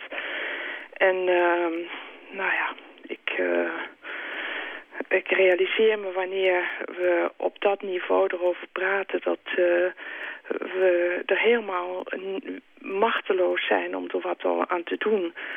En uh, ik uh, keek vandaag even op uh, Facebook naar mijn Syrische vrienden... wat die dan voor nieuws hebben vandaag. En dan zag ik een foto van een stad die er een beetje uitziet als Hiroshima. En er staat ook boven, dit is niet Hiroshima, dit is Homs in Syrië. Je hoort er eigenlijk heel weinig nog over, hè? Over, over Syrië. Het, ja, is een we beetje... krijgen moeheid. Hè? Dan komt Oekraïne ineens en dan hebben we weer een ander probleem. Maar ondertussen gaat de oorlog verder. Je hebt er iets over geschreven. Wil je dat voordragen? Ja. Het is geen vrolijk stukje. Dat vermoeden had ik dat al. dat past wel bij het onderwerp, geloof ik. Ja. Twintig jaar geleden schreef ik een boek over mijn Syrische vriendin Hala. Afgelopen zomer ontvluchtte zij Damascus en streek neer in het appartement van haar dochter in Dubai. Onlangs zocht ik haar daar op. Ons weerzien was zwaar. Hala was vol bitterheid tegenover de wereld die toezag hoe Syriërs werden afgeslacht. Zij bij honden soms, vroeg ze. Een schaduw gleed over haar gezicht toen ik zei dat de mensen in het Westen zich zorgen maakten over de moslim-extremisten die zich in het Syrische strijdgewoel gestort hadden. Dat de verdeelde oppositie het hen moeilijk maakte te geloven in de goede afloop van de oorlog. S'avonds in bed nam ik me voor Hala niet meer te bruskeren. Maar bij het ontbijt sloeg ik alweer de verkeerde toon aan. We groeven ons in aan weerszijden van het front en bestookten elkaar met argumenten. Ik vertelde haar dat de Libanese schrijver Amin Maalouf op een lezing in Brussel had gezegd dat hij de toekomst van de christenen in het Midden-Oosten somber inzag. Dus alle moslims moeten sneuvelen, zei Hala, opdat een handjevol christenen kunnen overleven. Kort na mijn vertrek uit Dubai werd de Nederlandse pater Frans van der Lucht in de Syrische stad Homs vermoord. We hadden hem allebei gekend, maar ik hield me stil.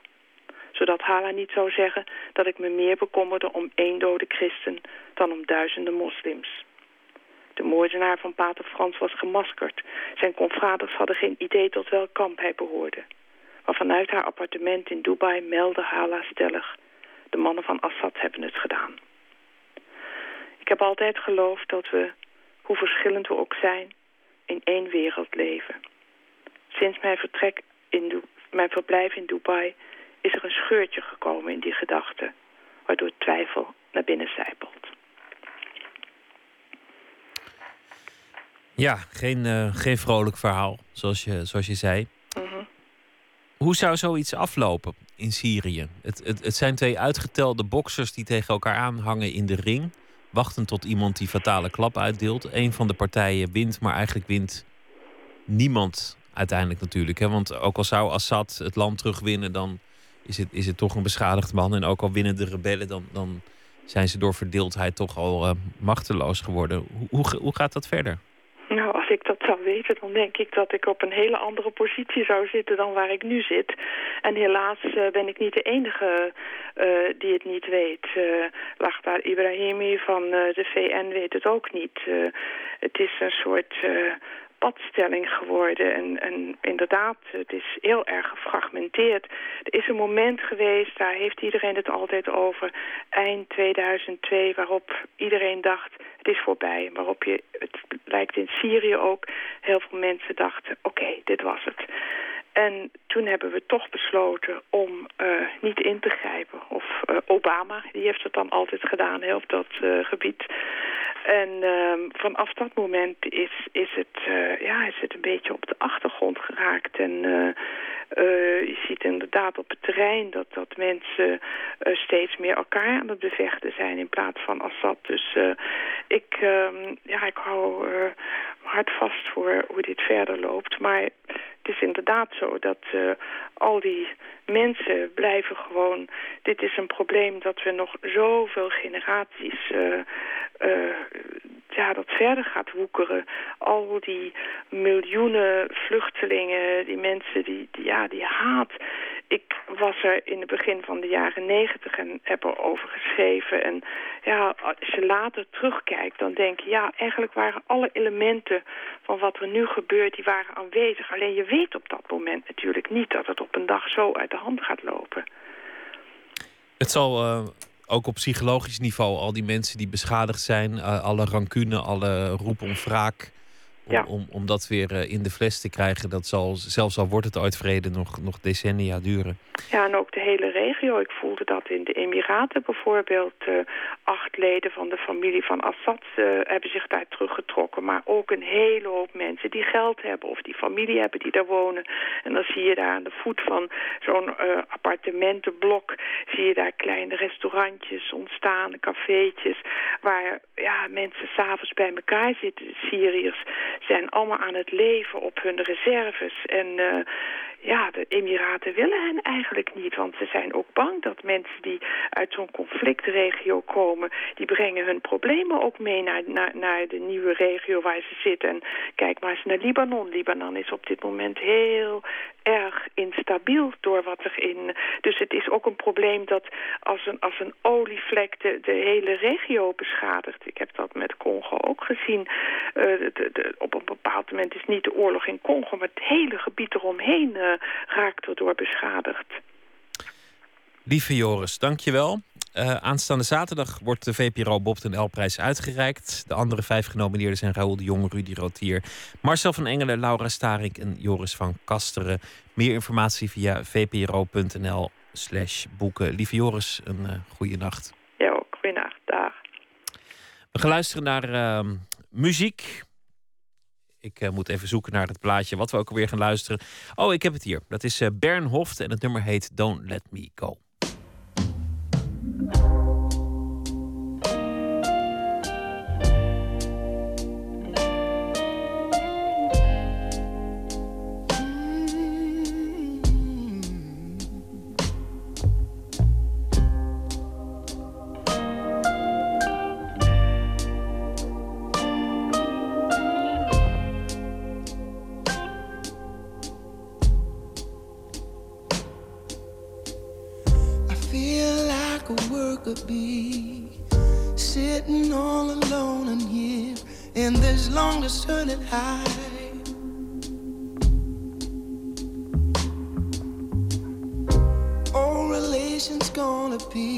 I drove the people close to me, miles away out of my sight.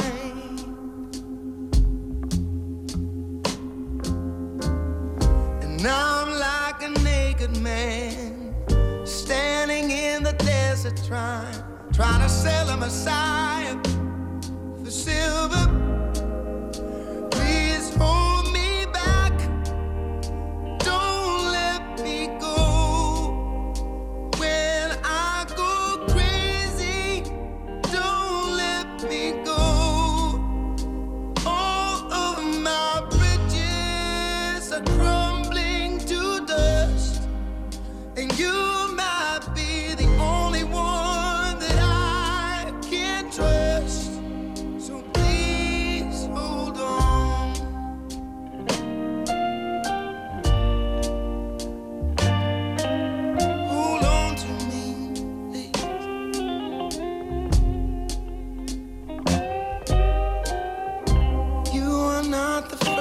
Seen.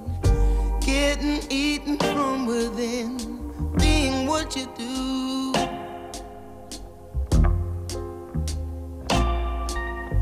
It's easy enough to lose a step or two. Dodging bullets while building a truce. Don't beat yourself up about it.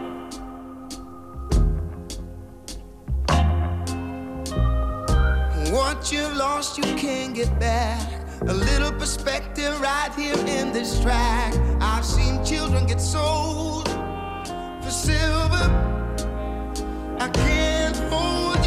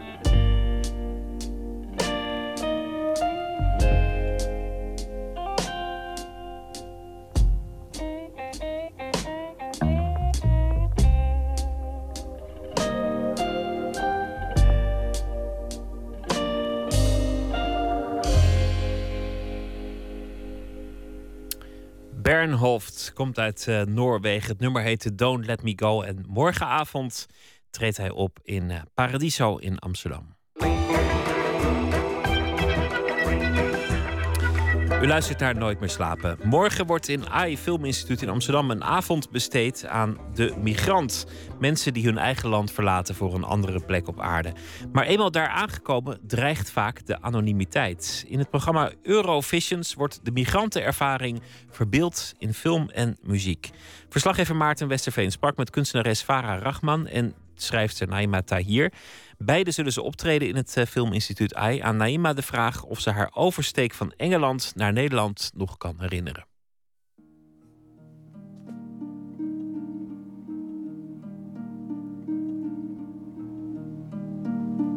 Ik was tien jaar oud toen ik vanuit Slau naar Nederland kwam. En ik herinner me, we kwamen in Etteleur te wonen. Nou, Slau en Etteleur, dat zijn allebei industriesteden. En op een gegeven moment had, had mijn broertje een Mars-reepje gekocht. En daarop stond en zowel Slau, de, de uh, hoofdbedrijf uh, um, van, uh, van de Mars-repen. en Etteleur, waar het dus geproduceerd was. Dus wij voelden ons enorm um, gebonden. Dus het ging echt om... Wij, wij voelden ons heel erg Brits. En we hadden ook heel erg heimwee. Hè? Nederland was, was mooi en we hadden vooral um, heel erg heimwee. Ik had dat Pakistaanse totaal niet... Maar pas, um, behalve dan, um, in Engeland heb je heel veel Pakistani. Dus daar uh, voelden we ons ja, deel van een community en deel van de bredere community, de Engelse community en de Pakistaanse. En in Nederland waren we de enige Pakistani in heel Etteleur voor drie, vier jaar lang. En uh, op een gegeven moment voel je je dan wel geïsoleerd. Dat stukje vier je helemaal alleen. En uh, ik begon het toen wel een beetje te missen. Dus het is uh, begonnen met het Brits zijn en daarna is het Pakistaans zijn er op een hele vreemde manier uh, in gaan uh, leven. Van oké, we zijn ook Pakistaans, maar we zijn de enige Pakistani in uh, Etteleur. En we voelden dat stukje toch heel eenzaam. Zo'n avond die wordt dan georganiseerd en dat zal vast met de beste bedoelingen zijn. Maar wat hoopt men eigenlijk met zo'n avond te bewerkstelligen? Kijk, het gaat om imago van, uh, van migranten. En um, er is een bepaalde imago en die is uh, niet, niet positief. Hè, dus de, de, de, kernimago, de, de belangrijkste blijvende imago van de migrant is... Nou, die, hij is hulpbehoevend, hij is um, enorm uh, drukkend op de samenleving... Hè, komt de welvaartsstaat daar gebruik van maken... past zich niet aan en hoort hier eigenlijk niet. Dat zijn de de kernimago's die, die rondom zo'n migrant hangen. En uh, morgen, de avond is bedoeld om kritisch te kijken naar, naar dat imago. Wat, wat het meest overleeft in de, in de media, eigenlijk decennia lang. En um, kunnen we dat niet op een andere manier uh, invullen? Kunnen we niet een ander uh, hoek van de, van de imago van de migrant belichten? Kunnen we niet kijken naar wat positieve elementen? En ik denk dat die er wel, wel degelijk zijn. We zitten juist niet in die groep in dat publiek dat daar zal zitten, dat welwillende publiek... zit daar niet een deel van het probleem? Lekker, lekker, lekker minderheden aardig vinden. Aai over de bol en, en een knijpende toet. Ja, en uh, er is ook een. Ja, dat, dat, weet je, dat klopt wel. Kijk, het is. Um, uh, en, en dat zijn mensen die waarschijnlijk ook niet zo heel veel contact hebben in de maatschappij met migranten. Die, die hebben geen migranten als buren, behalve dan expat-migranten. En dat is een, een hele andere uh, manier van migreren naar Nederland. Dan, dan uh, ben je economisch sterk. Je hebt een hele goede uh, academische, vaak academische opleiding. Je kent je talen. Dus dat zijn hele andere soorten mensen die met hele andere soorten migranten omgaan. En dat is jammer. Kijk, het idee is dat je um, dit soort bijeenkomsten breder maakt. En dat je um, mensen die nog niet al bekeerd zijn tot het positieve over migranten ook het verhaal geeft. En um, uh, ik denk dat ze dat wel doen via het beeld. Kijk, beeld is anders dan um, literatuur, hè, geschreven dingen of documentaires over migranten. Beeld waarin allerlei verschillende technieken worden gebruikt die heel jong zijn, nieuw zijn. Ik denk dat dat wel uh, veel meer mensen gaat uh, bereiken. En veel meer mensen ook gaat, ja, hun referentiekader gaat, gaat door elkaar schudden. Dus het is, ik hoop dat, dat het een veel groter bereik heeft dan de elite, om het zo te noemen. Ik uh, ben Farah Rahman. Ik ben sinds 2007 werkzaam als audiovisueel artiest. En hoe heet jullie collectief? European Souvenirs. Uh, mijn vader en moeder die zijn uh, ja, al een hele lange tijd geleden vanuit Suriname naar Nederland vertrokken om daar te wonen. En ze zijn daar gebleven. En ik ben hun dochter. Dus... In hoeverre staan die dingen überhaupt tegenover elkaar? Een Nederlander zijn en iemand zijn die toevallig ook een verleden heeft in het buitenland, al was maar via je ouders? Um, nou, ja, ik voel me voornamelijk gewoon Haags. ja, dat, dat, uh, ik voel me natuurlijk voel ik me wel deel Surinaams. Ik bedoel, als ik daar ben, dan voel ik me wel op de een of andere manier thuis. Maar ik ben natuurlijk gewoon geboren en getogen in Den Haag. En dat hoor je ook wel. uh, maar voor dit project ben ik er dieper, uh, ja, dieper ingedoken. Heb ik veel meer onderzoek gedaan. Veel meer met mijn ouders gesproken. Interviews gedaan van wat nou de reden was waarom ze hier naartoe zijn gekomen. Je voelt je toch altijd een outsider? Jij specifiek ook? Ja, ook ik. Ook ik. Je voelt je toch altijd een outsider. Het is, er zijn bepaalde um, manieren van, van um, omgaan, zoals Nederlanders met elkaar omgaan. En bepaalde spontaniteit, een bepaalde. En dat heb ik niet. Het, het, het, ik geef het voorbeeld van fietsen. Ik, kan, ik fiets gewoon door de stad. Ik kan dat heel goed. Maar ik ben toch een beetje. Ik kan niet zo uh, op de fiets springen zoals een Hollandse vrouw die, die iets langer is en breder is. En daar vanaf haar tweede op die fiets heeft gezeten. Ik, ik heb in Nederland leren, ik heb in Engeland leren fietsen natuurlijk, maar ja, dat was gewoon altijd een beetje een speeltuin. Maar pas in Nederland op mijn twaalfde heb ik op de straat leren fietsen. En uh, het zijn dat soort dingen, en die zijn er misschien duizend voorbeelden, waarin je net een andere opvoeding hebt gehad, net een andere ervaring hebt of een mindere ervaring waarin je dan toch zoiets hebt van ja, ik ben een outsider, ik voel me hier niet helemaal uh, comfortabel in. Hè, bijvoorbeeld, ik heb een dochter en ik fiets nooit met haar achterop. Ik durf dat niet. Terwijl ik zie allemaal Hollandse vrouwen soms uh, met, met twee kinderen voor één, achter één. En dan zitten ze gewoon te fietsen in weer en wind. En uh, het, zijn dat soort dingen. Dat is dan fysiek, maar er zijn heel veel voorbeelden te noemen. Um, is er dan nou, dan ga ik toch vragen wanneer het, wanneer het ten positieve opvalt. Want alles wat je nu zegt, dat klinkt als een, een soort constante waakzaamheid. Alsof je constant op moet letten, want ja, jij kan dan net niet goed genoeg fietsen... en er zou zomaar een foutje in je tekst kunnen sluipen. Oppassen, oppassen, oppassen. Mag toch hopen dat het af en toe ook uh, zich ten goede uit. Ja, kijk, uh, um, diversiteit. Hè? Het concept diversiteit is heel belangrijk voor een samenleving. Het maakt een samenleving rijker. Um, het haalt je uit je box. Um, je kan innovatiever gaan worden. En, en ik denk, weet je, ik ben de belichaming van die diversiteit. Dus dan voel ik me wel enorm uh, gelukkig dat ik uh, ja, die bijdrage lever. En dat ik misschien ook door mijn werk. Hè, ik heb op een gegeven moment besloten om te schrijven over migranten. Om te schrijven over hè, de, de, de verschillen tussen Oost en West. Ook met, met de rechten van vrouwen. Hè, vrouwenrechten in het Oosten en Westen. Dat verschilt ook. Ik ben, ik, heb daarover, ik ben daarover gaan schrijven. En ben dankbaar dat ik word gezien door veel, meer, veel mensen. Als iemand die daar iets over kan vertellen. Want wij moeten begrip krijgen over de multiculturele samenleving. En, uh, en dan voel ik me heel trots op die uh, achtergrond van nieuwkomer. Of uh, half nieuwkomer, hoe je het ook wilt noemen. Um, dan denk ik, ja, weet je, dan, dan heb ik zoiets van: oké, weet je, dat is leuk. Dan mensen willen dan mijn verhaal weten om te kijken hoe kunnen we verder. Dus dat zijn, dat zijn de momenten. Wat, uh, wat gaan mensen morgen zien? Morgen gaan ze vooral heel veel beelden zien uit de media. Hoe de immigranten worden neergezet. Uh, heel veel confronterende beelden. We gaan proberen die sluier van die beelden eraf te halen.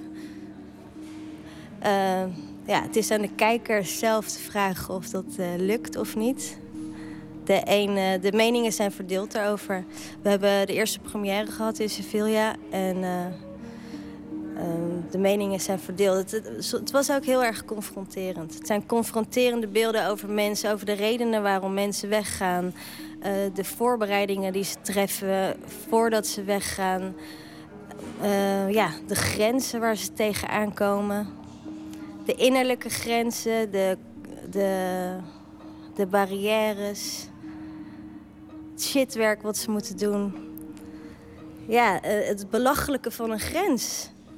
Ja, het is gewoon belachelijk. Ik bedoel, we hebben heel veel research gedaan over... Ja, ik begin me nu een beetje op te winden, want als ik erover nadenk... we hebben heel veel research gedaan over hoe een grens in elkaar zit...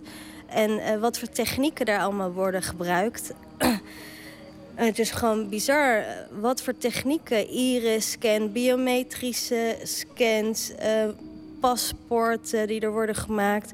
En al die technieken, daar wordt alleen maar ja, geld mee gegenereerd om die nieuwe technieken te kunnen verkopen. En dat willen we laten zien in onze performance. We laten de grens zien als een machine, maar daarnaast ook de mensen die door die machine heen proberen te komen. En ja, die proberen het, maar die komen ja, ook heel veel dingen tegen. Wat ik heel charmant vind is dat ik zie het je vertellen en tegelijkertijd zie ik, ook, zie ik je ook denken van, oh ja, ben ik hier nou uitspraken over aan het doen? Ben ik hier nou even de expert aan het spelen? Voelt het raar?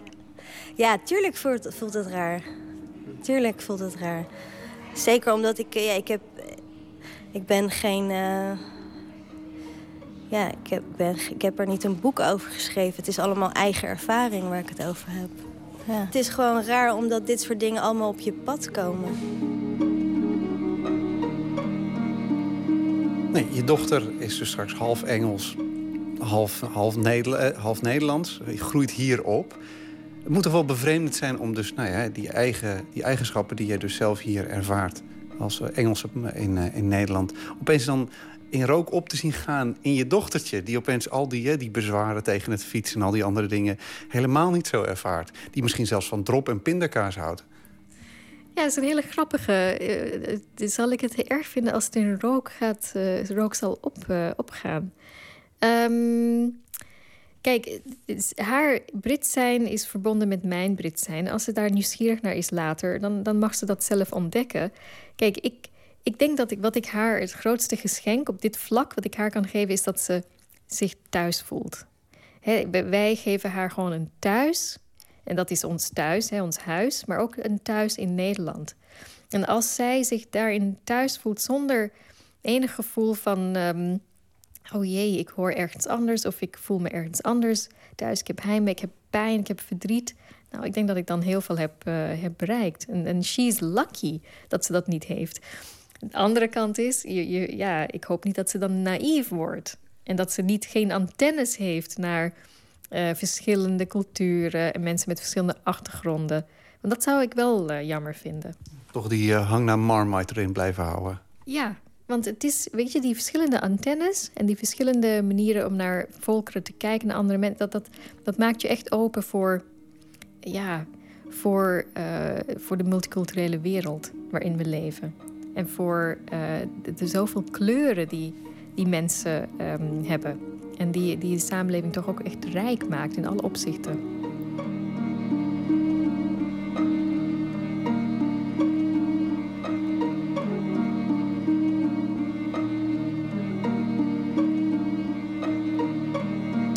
U hoorde kunstenares Farah Rachman en Naima hier over Eurovisions morgenavond in het iFilm Instituut in Amsterdam. Nooit meer slapen.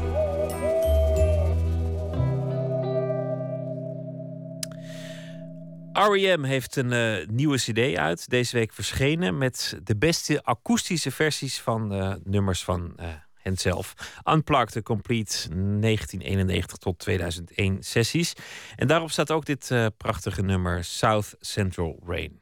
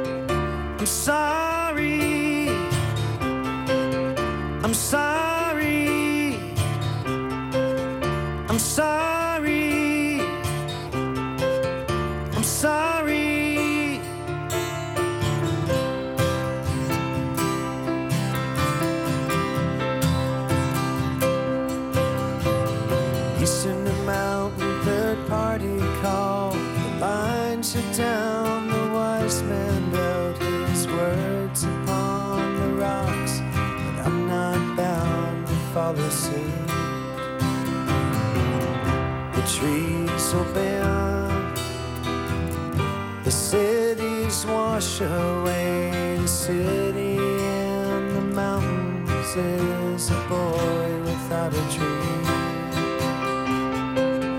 I'm sorry. I'm sorry.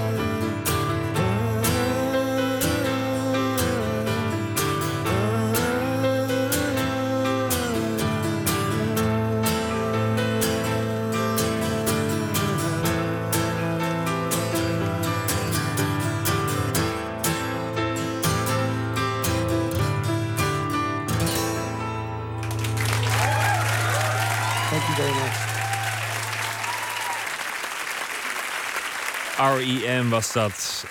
So Central Rain was dat van eh, het nieuwe Unplugged album dat eh, vorige week verschenen is. Nooit meer slapen.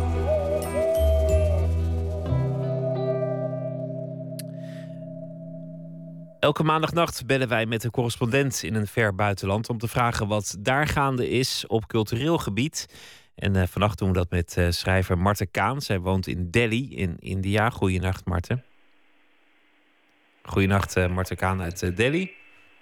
Hmm, pijnlijke stilte. Ik hoor, wel iets, ik hoor wel iets galmen, maar niet echt dat ik de indruk heb dat ik iemand aan de lijn heb. Ik, ben, Ja. eh, ik ben er, ja. Oh, je bent er. Ja, je was, was heel Ja. eventjes, eh, eventjes in, de, in, in het verre Delhi. Klonk je ook Ja. echt. We gaan, het, eh, we gaan het hebben over cultuur. Er is heel veel ehm, eh, nieuws geweest over India vanwege de verkiezingen de afgelopen tijd. Ook heel veel reportages over een samenleving die ingrijpend aan het veranderen is. In een samenleving met heel veel verschillende culturen. Ehm, ja, eigenlijk een continent zou je kunnen zeggen. Met verschillende culturen die zich ook allemaal moeizaam tot elkaar verhouden bij tijd en wijle. En jij wilde het graag hebben over eh, een magazine. Wat is dat voor magazine? Dit magazine heet Motherland. Ehm, en het is, een, eh, dit- het is geen doorsnee magazine. Het is een... ehm, eh, het, is, het is heel bijzonder vormgegeven en de onderwerpen worden ook op een hele originele manier gebracht. Dus soms zijn- is het een, een, een stripverhaal, dus een foto-essays. Er staan ook gewoon soms kunstwerken in. Eh, maar je hebt ook gewoon een, een, een voldoende aantal gewoon, uh, journalistieke stukken erin. Maar is, is het een Ehm, glossy of... of eh, Nee, je zou het eerder, het lijkt een beetje, het, je zou het, kunt het best vergelijken met een, een, een beetje een mengvorm van een, een literair tijdschrift, literair journalistiek en kunst. Dus, eh, je hebt een aantal van die, van die kunst eh, daar, daar, daar is het een beetje een, een mengeling van. Ehm, en het is, eh, het is ook heel, eh, heel marginaal. Er worden per editie maar een aantal duizend eh, exemplaren van verkocht. Wat natuurlijk wat, weinig is en wat in een land als India natuurlijk helemaal niks is. Dus het is echt een heel marginaal blad. Maar ik vond het toch heel bijzonder omdat ze ehm, de, de onderwerpkeuze is, op, is, is origineel en de manier waarop ze het uitwerken ook. En wat, wat ik er nog het meest bijzonder aan vind, is, dat, is de toon. Ehm, eh, en dat is, eh, hoe kan ik dat het beste uitleggen? Het is niet cliché, absoluut niet clichématig India's. Ehm, dus het heeft niks te maken met alle eh, stereotype onderwerpen en beelden die je ziet. Dus die vaak gaan over eh, armoede of hele nare of heftige onderwerpen. En ook in de manier waarop het dus is vormgegeven. Het zijn niet de standaard foto's van een heleboel eh, eh, eh, massa's Indiërs die met z'n allen naar een, heilige plek gaan. Of feesten waar, met heel veel kleuren en vrouwen in gekleurde saris. Het is gewoon echt het hedendaagse India. wat er ehm, eigenlijk verrassend normaal uitziet. Het zijn allemaal hele herkenbare beelden voor ons. Terwijl het tegelijkertijd ook toch echt heel India's is. Dus eh, de, de, de verhalen zijn heel India's. Is ook echt weer heel anders dan, dan wij gewend zijn. Dus die, die combinatie van, van India's en tegelijkertijd heel alledaags... vind ik er heel aantrekkelijk aan. Ja, maar het is dus het is een, eh, een blad niet voor de menigte.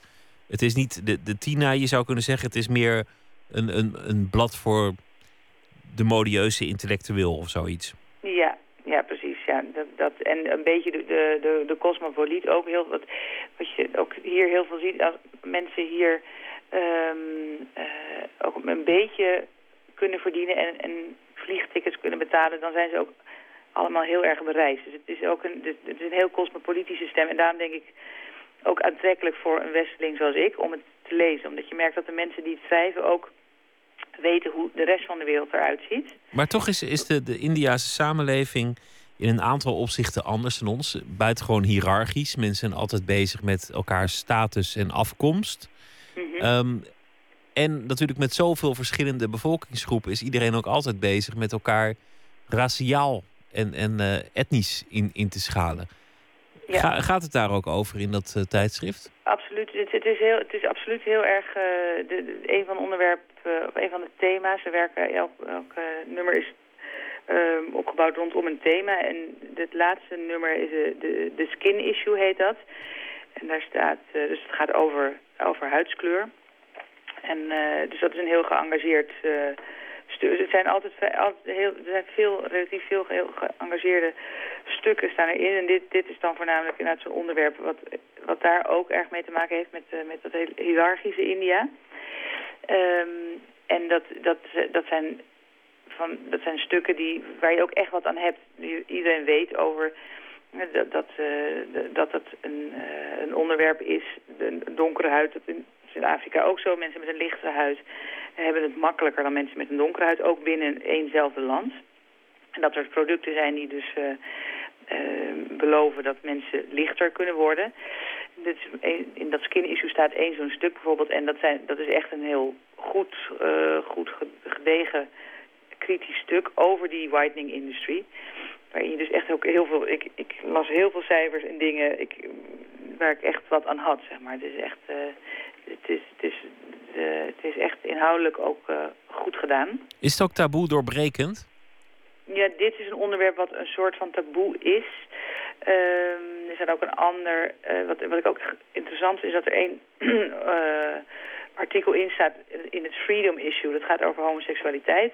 En dan staat dat, dat sluit dan ook heel erg eh, enthousiast af. Dat het in 2009, eh, dat er een, eh, een over- overwinningsmoment is voor, eh, voor homoseksuelen. Omdat het dan wordt gedecriminaliseerd.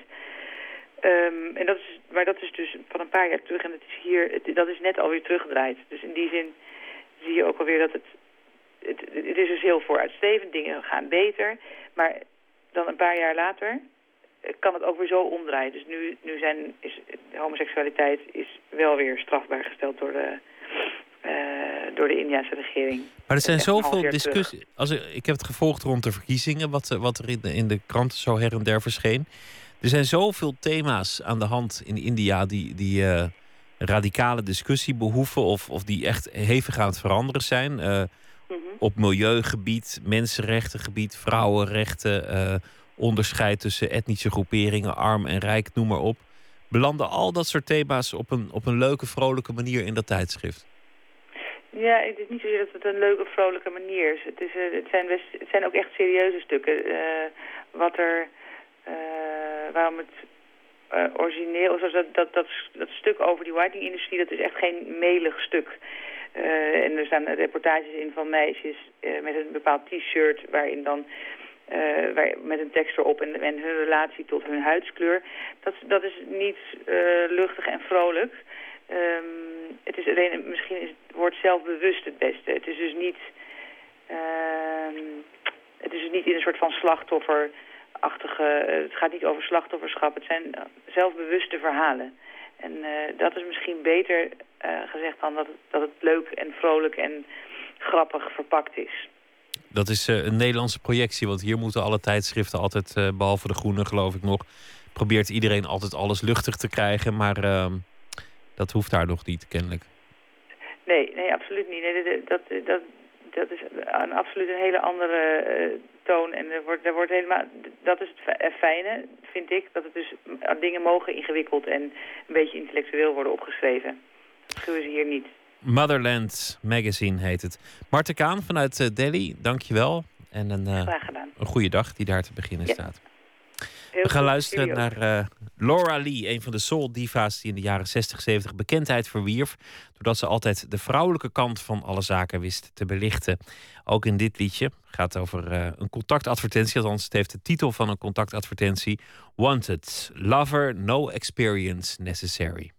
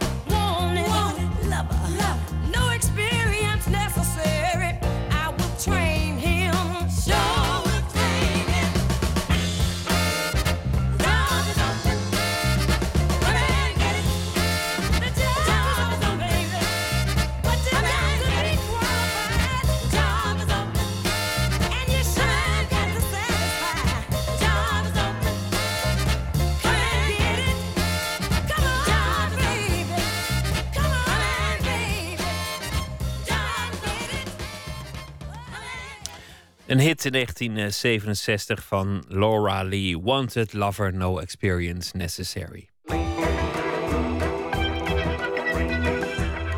luisteren naar de VPRO op Radio 1. Grappen die niet over blijken te komen, of een clue die niet aankomt of net niet werkt, of cynisme dat verkeerd valt bij het publiek. Kortom, een zichtbaar mislukkende artiest op het podium. Triest om naar te kijken. En het is de kern van het toneelstuk De Entertainer. Gaat over het verval van het fenomeen music hall en de daarin werkende artiesten. Toneelgroep Amsterdam brengt de Entertainer op de bühne. Onze verslaggever Botte Jellema ging vast naar de repetitie.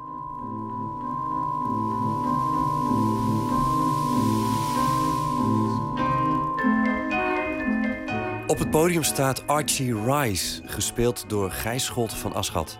Spotlicht, gouden glitterjasje, tapdance schoenen en een sigaret in een houder.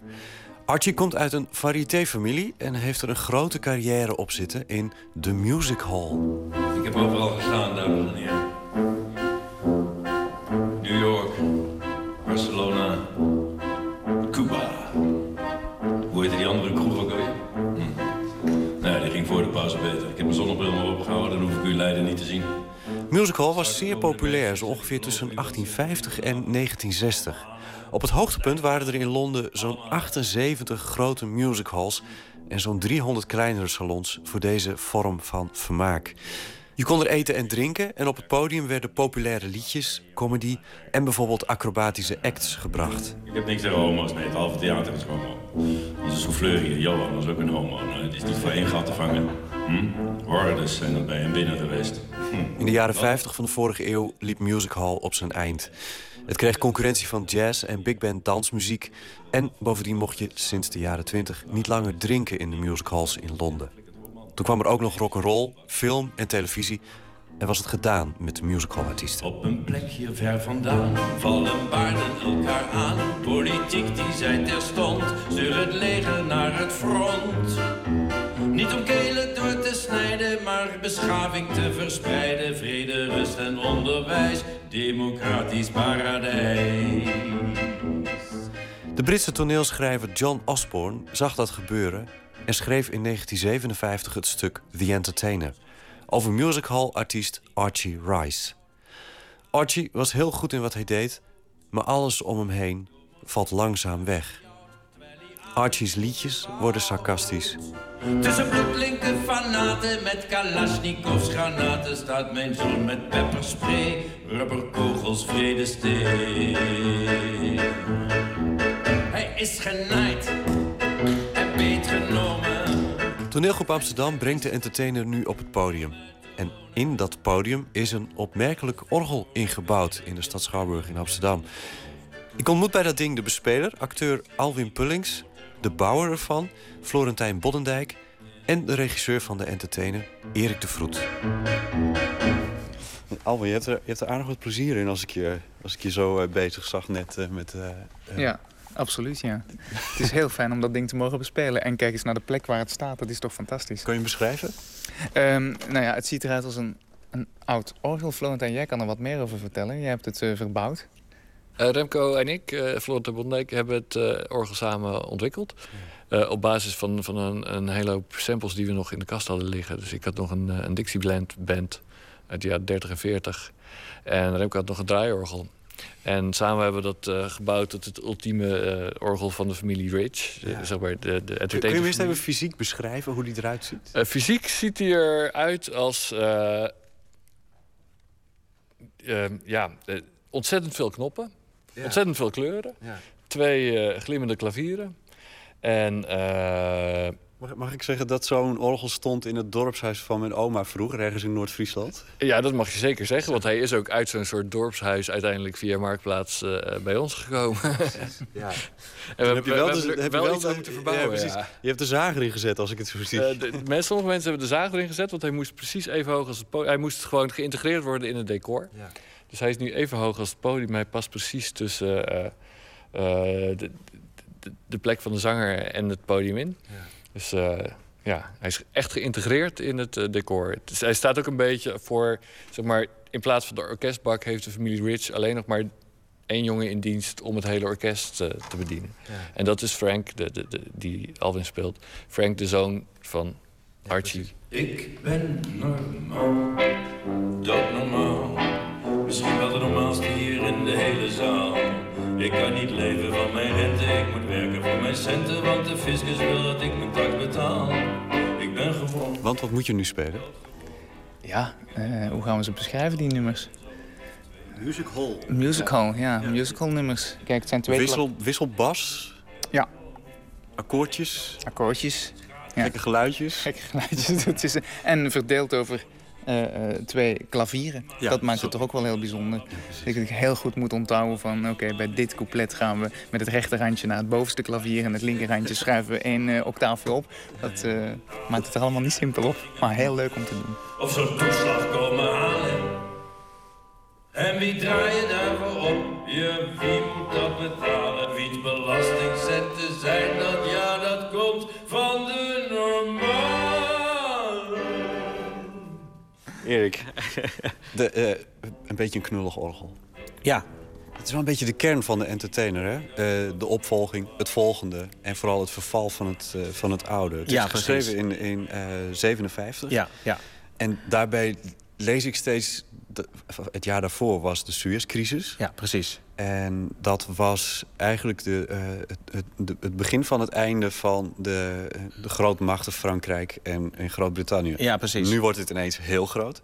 Maar dat, dat is Ja, maar dat gevoel zit er heel sterk in. Een soort van, van ja, de ondergaand wereldrijk. Maar dan eh, in de metafoor van deze familie en van deze musical eh, eh, eh, show. Maar dat is eigenlijk een- één grote metafoor voor, ja, voor een wereld in crisis. Wat ten onder gaat. En waar inderdaad de, ook een zoon van deze familie, dat stuk... Die, die is ook in het Midden-Oosten aan het vechten. En dat was toen dus inderdaad Suez. En nu kan je dat zo transponeren naar Irak of Afghanistan. Ja. Maar een gevoel van ja, een, wereldrijk wat een soort van macht heeft gehad... maar over zijn hoogtedagen heen is en nu in elkaar stort ergens. En al deze personages in het stuk verhouden zich ook op een hele andere manier... tot ja, dat instortende wereldrijk, of instortende ja, de, de crisis om hen heen. Hè. De, de, de, er is nog een dochter, Jean, die een soort van juist overal eh, in opstand tegenkomt... en gaat demonstreren en boos op van alles is desondanks ook in het stuk zich heel erg weer aanpast aan die familie... en eigenlijk weer verstikt wordt door de familie.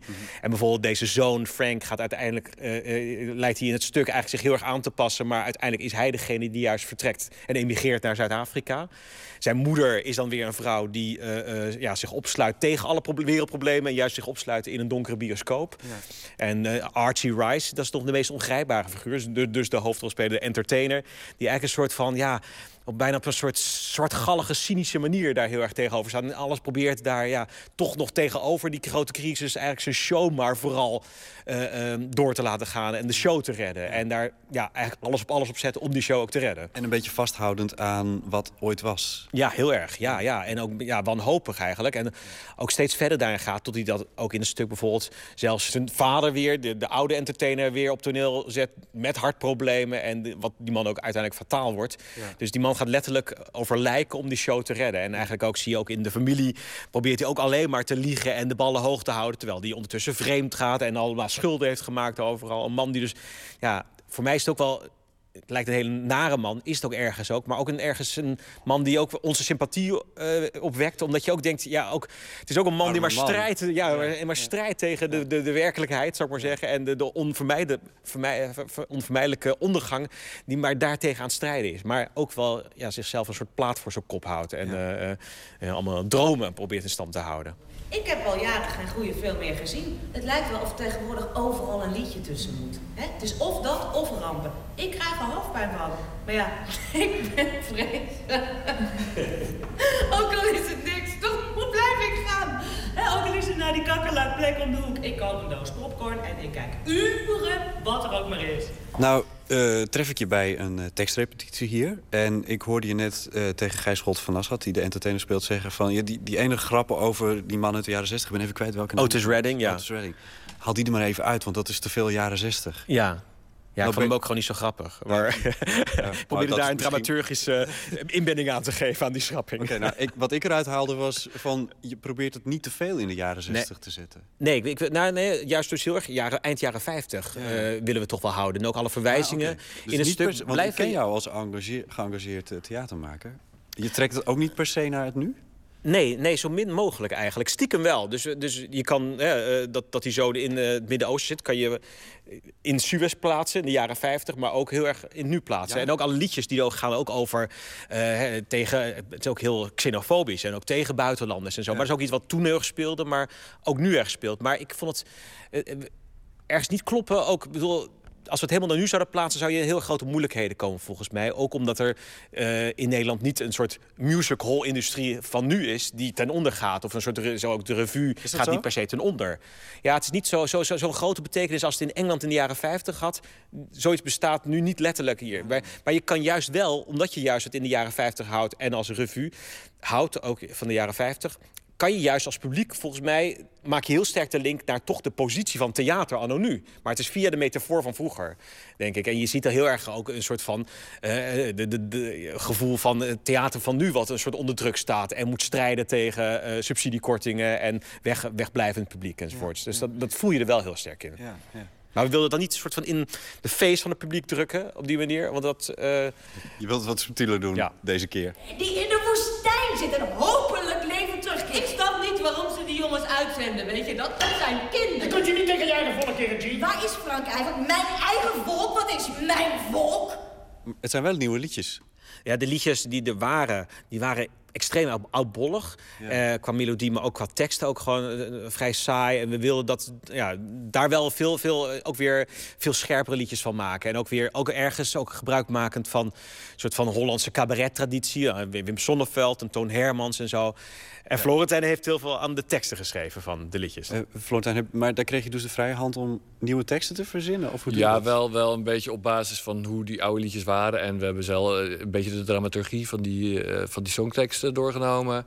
Het begint eigenlijk bij mij weer altijd bij tekst. Dan moet je één, één regel hebben waar je een liedje aan kan ophangen. En als je dat eenmaal hebt, dan moet het daarna vanzelf een beetje... Florentijn moet heel veel fietsen. Ik moet heel veel fietsen. Ja, want- want dan- al fietsend komt hij op een zinnetje. Hoe werkt dat? Eh, nee, met dat fietsen ineens eh, heb je eh, het, het zinnetje alles voor de show. En, en dat is een liedje geworden? En, en, dat wordt, en dat wordt een liedje. Want er moest een lied inkomen wat aan het begin van de show... zeg maar een, een- een soort eh, showstopper is. Echt een, een, een goed nummer. Maar aan het eind van de show ook eh, een hele dramatische werking moet hebben. En die dubbelheid van ik doe alles voor de show... dat is... Ja, je doet alles voor je vak, namelijk de showbiz. Maar je doet ook alles, is nep. Ik doe alles voor de show. Ik hijs het ballet in hun corset. Ik doe alles voor de show. De bühne, boenen, poets de schoenen. Was de kostuums voor iedere show. Voer de duiven en het konijn. Naar de glitters in het gordijn. Ik doe alles voor de show. Ik plak de posters, knip de kaartjes. Gijs heeft ook eh, zo'n dingen aan bijgedragen aan de liedjes. Ook. Gijs vanaf Ja, precies. Ja, ja, ja. Ook omdat het ook heel erg zijn liedjes moesten zijn. Eh, hoe hij het ook nu doet, dus zie je dat hij juist eigenlijk die man bijna in zijn liedjes nog het eerlijkst kan zijn. En terwijl hij voor de rest alleen maar aan het liegen is en een lach aan het ophouden is. Terwijl je bij die liedjes ergens het gevoel hebt dat je wel bijna in zijn ziel kan kijken, eventjes gek genoeg. En dus dat moest ook heel erg vanuit hem komen. Ook. Van deze show. Het is wat ik doe, het is wat ik ben. Ik vertrouw op deze show. Het is wat ik kan, het is wat ik ken. Dus laat me nog even in de waan. Ik wil alles geven voor die baan. Want ik leef voor de show.